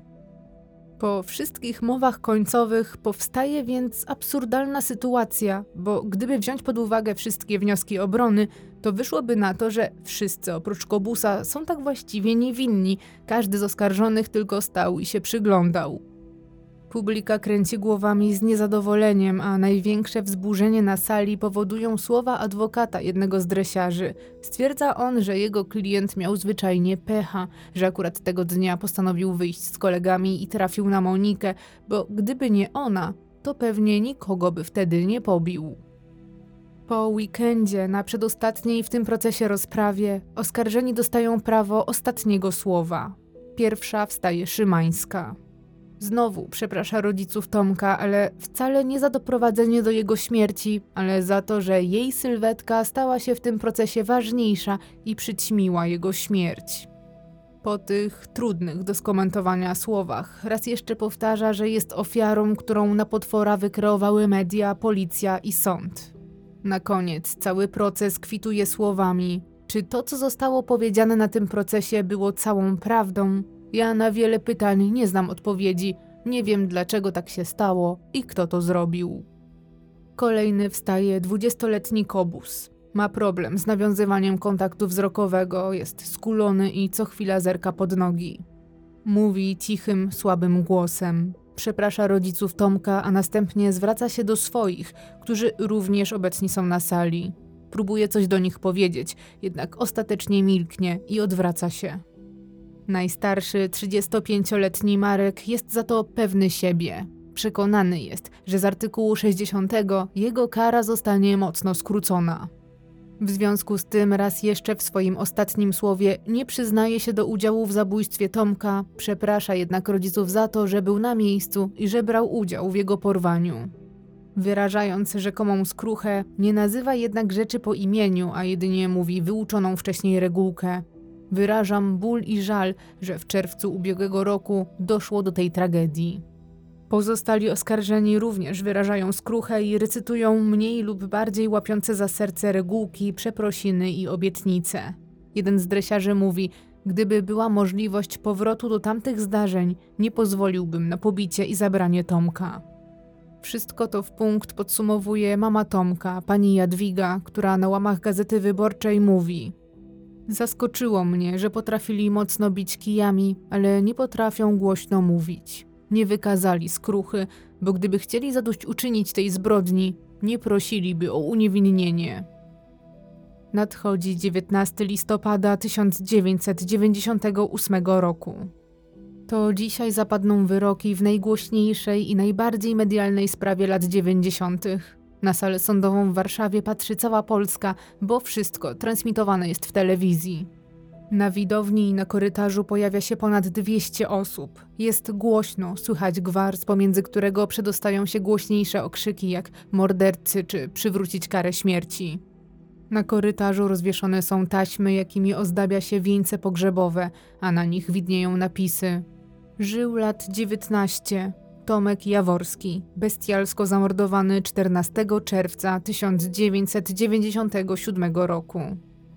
Niedługo później wrzawa zamienia się w oczekiwanie, bo wreszcie po trzech dniach narad członków składu orzekającego zapadają następujące wyroki. Kobus i Szymańska zostają skazani na karę dożywotniego pozbawienia wolności, a o warunkowe zwolnienie będą mogli ubiegać się po 25 latach odbycia kary. Marek otrzymuje łączną karę 15 lat pozbawienia wolności, ale za zabójstwo Tomka otrzymuje karę jedynie 7 lat i 11 miesięcy w związku z zastosowaniem artykułu 60. On na wolność będzie mógł wyjść po 12 latach. Robert, którego nie było nad kanałem, skazany zostaje na 12 lat, a pozostali dresiarze złomianek kolejno 7, 5 oraz 2 lata w zawieszeniu. Wyroki te nie są prawomocne. To Monika przez sąd uznana została za mózg tej zbrodni. Sędzia w uzasadnieniu wyroku mówi: Ten wyrok musi powiedzieć stop ludziom, dla których zbrodnia i występek jest sposobem na życie wypełnione nudą. Mówi stop tym, których brutalne zachowanie, hamstwo zmusza uczciwych ludzi do zejścia im z drogi. Zdaniem sądu oskarżeni są pozbawieni wszelkich uczuć wyższych, empatii, wszelkich norm moralnych. Jakże tragicznie brzmią słowa Tomka: dobij mnie. Jakże musiał być skatowany, poniżony.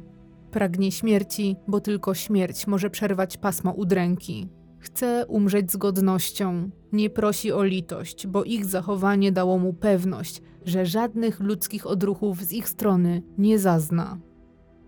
Sędzia zaznacza też, że w tej sprawie jest takie nagromadzenie okrucieństwa, że należy mówić o zbrodni szczególnej i nie można jej widzieć tylko przez pryzmat zabójstwa. Podkreśla też, że wydanie wyroku było zadaniem sądu i że na decyzję i wysokość kary nie miał wpływu ani nacisk medialny, ani polityczny i sprawcy osądzeni zostali tak samo jak każdy inny. Sędzia uzasadnia też, dlaczego Marek otrzymał tak niski wyrok. Tłumaczy, że sąd zmuszony był przez ustawodawcę do zastosowania przepisu o nadzwyczajnym złagodzeniu kary, mimo że ma świadomość, że współpraca z policją nie równoważy krzywd, które oskarżeni zadali w tej sprawie.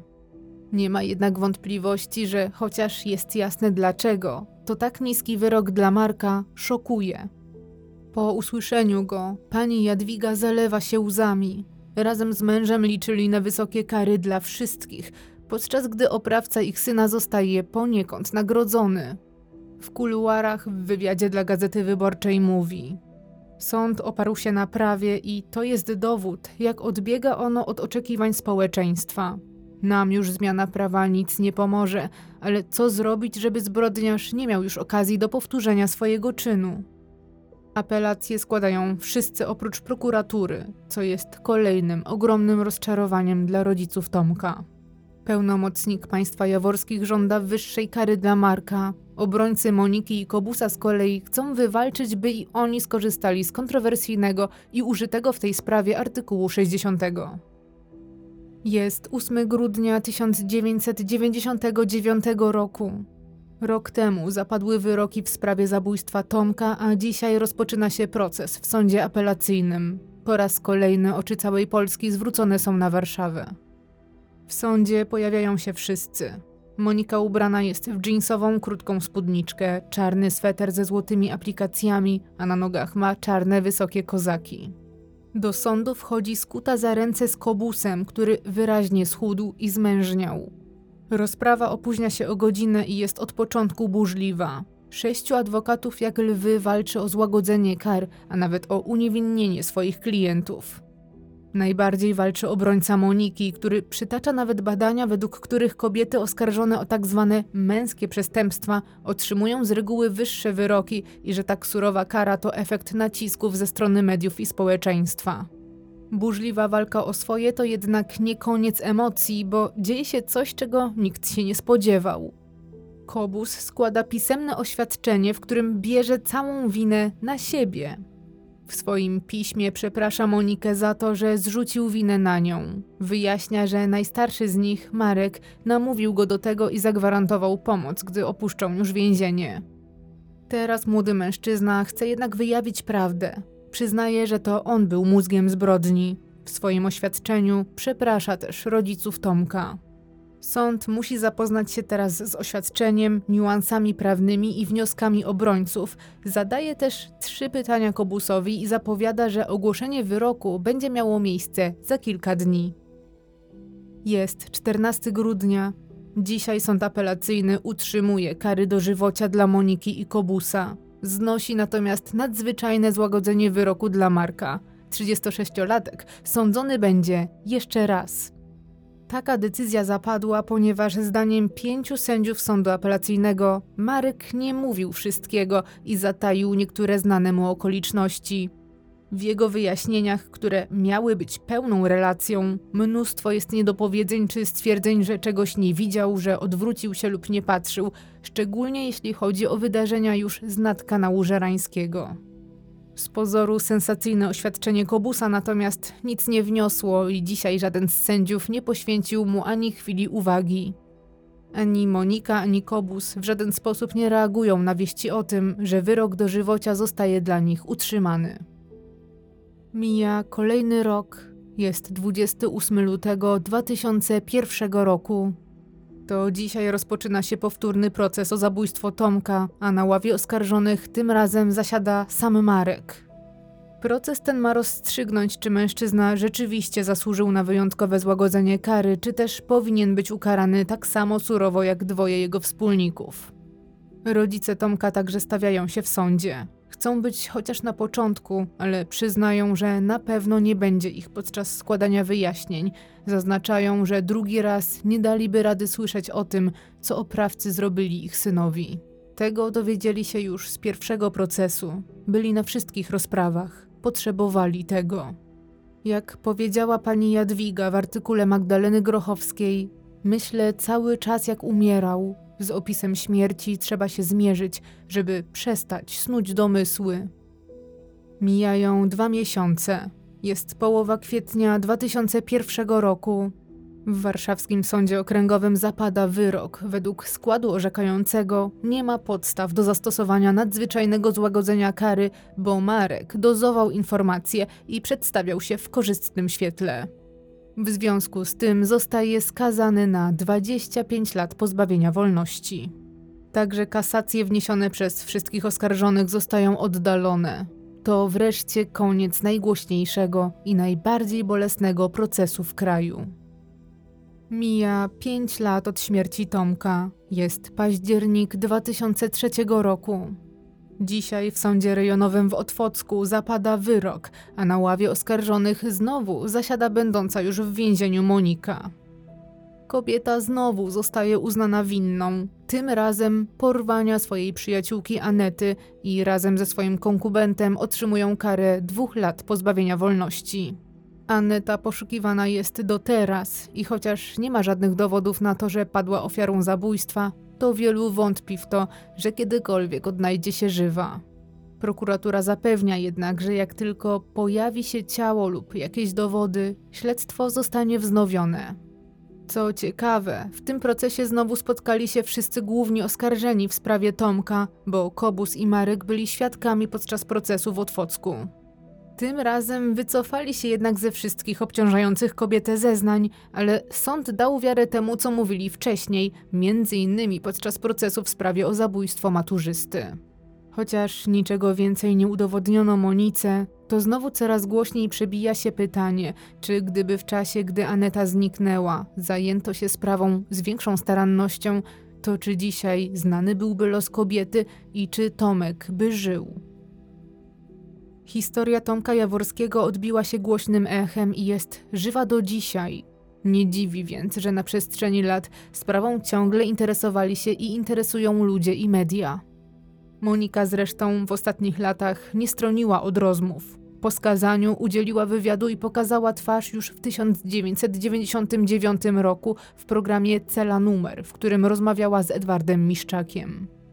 W materiale, który ukazał się w telewizji TVN, mówi, że wyrok dożywotniej kary pozbawienia wolności jest dla niej krzywdzący, bo jest niewinna. Już na samym początku rozmowy wyznaje też, że często myśli o Tomku. Gdy dziennikarz z niedowierzaniem dopytuje, czy naprawdę myśli o maturzyście, ta zawiesza głos, opuszcza wzrok, po czym dopytuje, czy to takie dziwne i odpala papierosa. Jej zachowanie jest nieco teatralne. Często milknie, próbuje, by rozmowa była głęboka.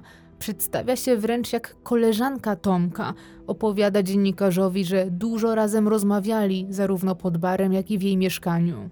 Gdy dziennikarz znowu jest zaskoczony i dopytuje, jak udało im się rozmawiać, skoro Tomek był tak pobity i w fatalnej kondycji, Monika robi się wyraźnie zmieszana i sprawia wrażenie, jakby wymyślała swoją historię na poczekaniu. Wtrąca smutnym głosem, że zrobiła wszystko, żeby pomóc maturzyście. Pada też zdanie: Tomek był bardzo dzielny, jeśli chodzi o znoszenie tego, i chyba to ich drażniło. Ciągle o zbrodni mówi w taki sposób, jakby to nie ona była jej uczestnikiem. Nie mówi my, mówi ich, oni, mając na myśli Kobusa, Marka i Roberta. Znowu powtarza, że myślała, że Tomek zostanie przywiązany do drzewa i że nie znała zamiarów swoich kolegów. Twierdzi, że nie bała się ewentualnych konsekwencji, bo wiedziała, że Tomek by jej nie obciążył zeznaniami, jako że nie robiła mu krzywdy. W rozmowie z dziennikarzem zaznacza, że jest osobą wierzącą i że wierzy, że jeszcze kiedyś spotka się z Tomkiem.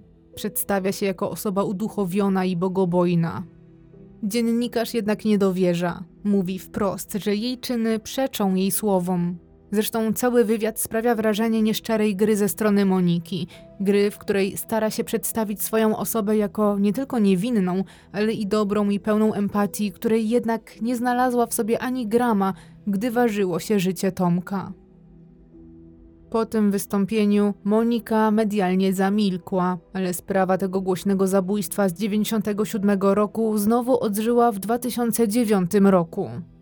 Wtedy wyszło na jaw, że Robert, który dręczył Tomka, ale nie był obecny nad kanałem, wyszedł z więzienia przed końcem kary ze względu na dobre sprawowanie, jednak niedługo później wrócił za kraty, bo wykorzystał, a potem podając się za policjanta, zastraszał poznaną w sieci nastolatkę. Po raz kolejny już wybuchła medialna burza i posypały się pytania, czy resocjalizacja ma sens i czy dobre zachowanie w więzieniu ma jakiekolwiek przełożenie na życie na wolności. Dwa lata później, w 2011 roku, Monika udzieliła pierwszego wywiadu po latach ciszy, tym razem dla polityki. W nim opowiadała o swoich początkach w więzieniu w Grudziądzu, relacjach z bliskimi i życiu po zbrodni. I tym razem, podobnie jak w wywiadzie z redaktorem Miszczakiem, wspomina Tomka. Mówi, że mimo upływu lat ciągle jej się śni i że w tych snach zawsze jest uśmiechnięty. Także w 2011 roku media obiega informacja o odsiadującym dożywocie Kobusie. W materiale dla TVN24 mężczyzna odsiadujący dożywocie nie pokazuje twarzy, ale wyznaje, że marzy o wyjściu na wolność. Chwali się też, że w więzieniu zaczął studia z logistyki i że nawet założył rodzinę i właśnie urodził mu się syn. Rok później, w 2012, swoją emisję ma program w więzieniu, w którym występuje znów Monika. W materiale można zobaczyć, jak zmieniła się przez lata i jak wygląda jej cela. Ciasne pomieszczenie próbuje przypominać zwykły pokój. Na półkach leżą wyszywane serwetki, a na nich kolorowe, ręcznie malowane wazony i nieco kiczowate ozdoby. Na ścianach wiszą zdjęcia bliskich i wyszywane obrazki. Pełno tu bibelotów w kwieciste wzory. Te wszystkie ręczne prace to jej dzieło. Za kratami zdała maturę, skończyła krawiecką szkołę zawodową, a rękodzieło to coś, co lubi i co ją relaksuje. Pracuje zresztą w szwalni, gdzie ma możliwość zarobienia pieniędzy. W krótkiej rozmowie nie widać już zdegenerowanej młodej dziewczyny, a zwyczajną kobietę. Monika opowiada, czym jest dla niej więzienie, jakie są różnice między placówkami i że najbardziej doskwiera jej to, że nie może uczestniczyć w codziennym życiu swoich bliskich. Szymańska udzieliła też obszernego wywiadu Katarzynie Bondzie, który razem z opisem sprawy Tomka znalazł się w książce Polskie morderczynie. Ze zdjęcia, które otwiera rozdział o Monice i zbrodni z 97 roku, uśmiecha się sympatycznie wyglądająca kobieta w grubych czarnych oprawkach i krótkich ciemnych włosach.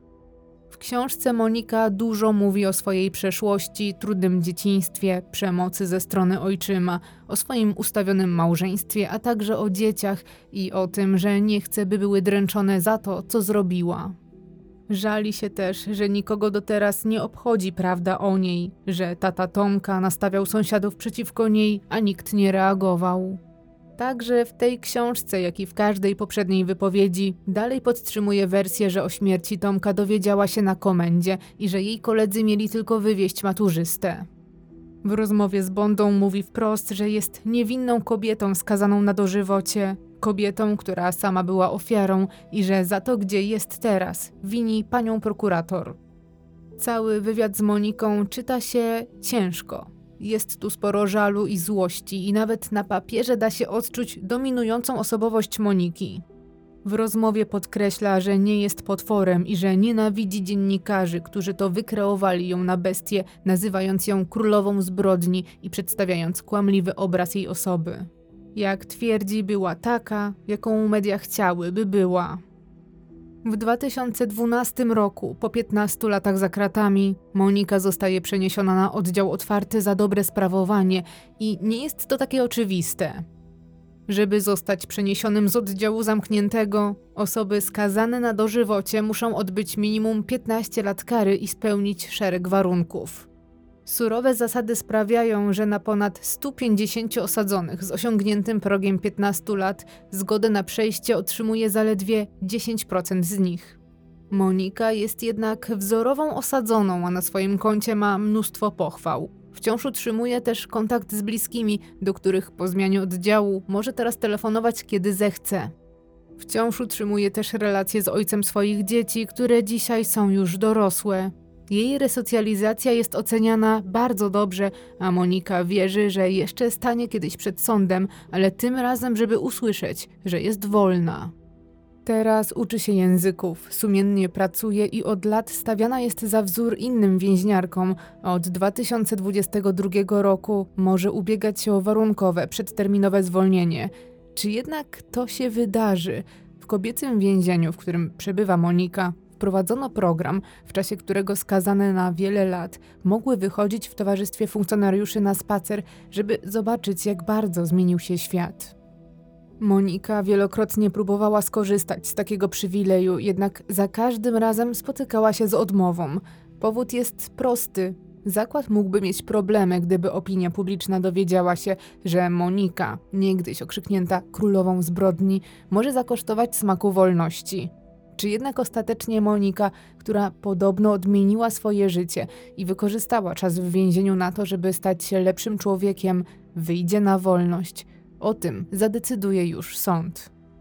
Chyba, że pojawią się nowe okoliczności, bo w sierpniu 2021 roku media ubiegła informacja o tym, że kryminalni z Otwocka we współpracy z Polskim Archiwum X po 26 latach ciszy wracają do sprawy zaginięcia Anety Dymiszkiewicz, dawnej przyjaciółki Moniki. Za sprawą mediów policjanci skierowali apel do wszystkich, którzy mogą mieć jakąś wiedzę na temat tego, co stało się z młodą kobietą. Wiadome jest, że Monika brała udział w jej porwaniu, ale wciąż wielu zadaje sobie pytanie, czy tylko porwaniu. Historia Tomka poruszyła tysiące i wciąż od lat jego odejście smuci tak samo, a czyn jego oprawców niezmiennie bulwersuje. To historia Tomka wymieniana jest wśród tych najbardziej bezsensownych i okrutnych polskich zbrodni. Przez lata na temat tej sprawy powstało mnóstwo opracowań, artykułów, reportaży wideo. Wypowiadali się zarówno bliscy, jak i oprawcy, eksperci, prawnicy, policjanci. Zabójstwo maturzysty zmusiło do dyskusji całą Polskę i zrodziło pytania, dokąd to wszystko zmierza, co stało się z empatią i szacunkiem do drugiego człowieka. O maturzyście, który tak bardzo chciał zostać architektem, słyszał każdy. W sieci znaleźć można liczne wiersze ku jego pamięci, a jego historia na dobre zapisała się w popkulturze. Znana piosenkarka Kasia Kowalska napisała utwór inspirowany historią Tomka i zadedykowała go cierpiącym rodzicom. Piosenka Co może przynieść nowy dzień, a także teledysk do niej miał na celu ukazać bezsensowne zło, jakie pod koniec lat 90. wyjątkowo się uaktywniło. Utwór ten stał się hitem i do dzisiaj można usłyszeć go w wielu stacjach radiowych. Niewielu jednak wielub pamięta, że dotyczy on Tomka. Kobus i Monika odbyli już 25 lat kary. Mogą jeszcze liczyć na wolność i z przekonaniem graniczącym z pewnością będą ubiegać się o warunkowe zwolnienie. Monika w październiku tego roku będzie też świętować swoje 50. urodziny.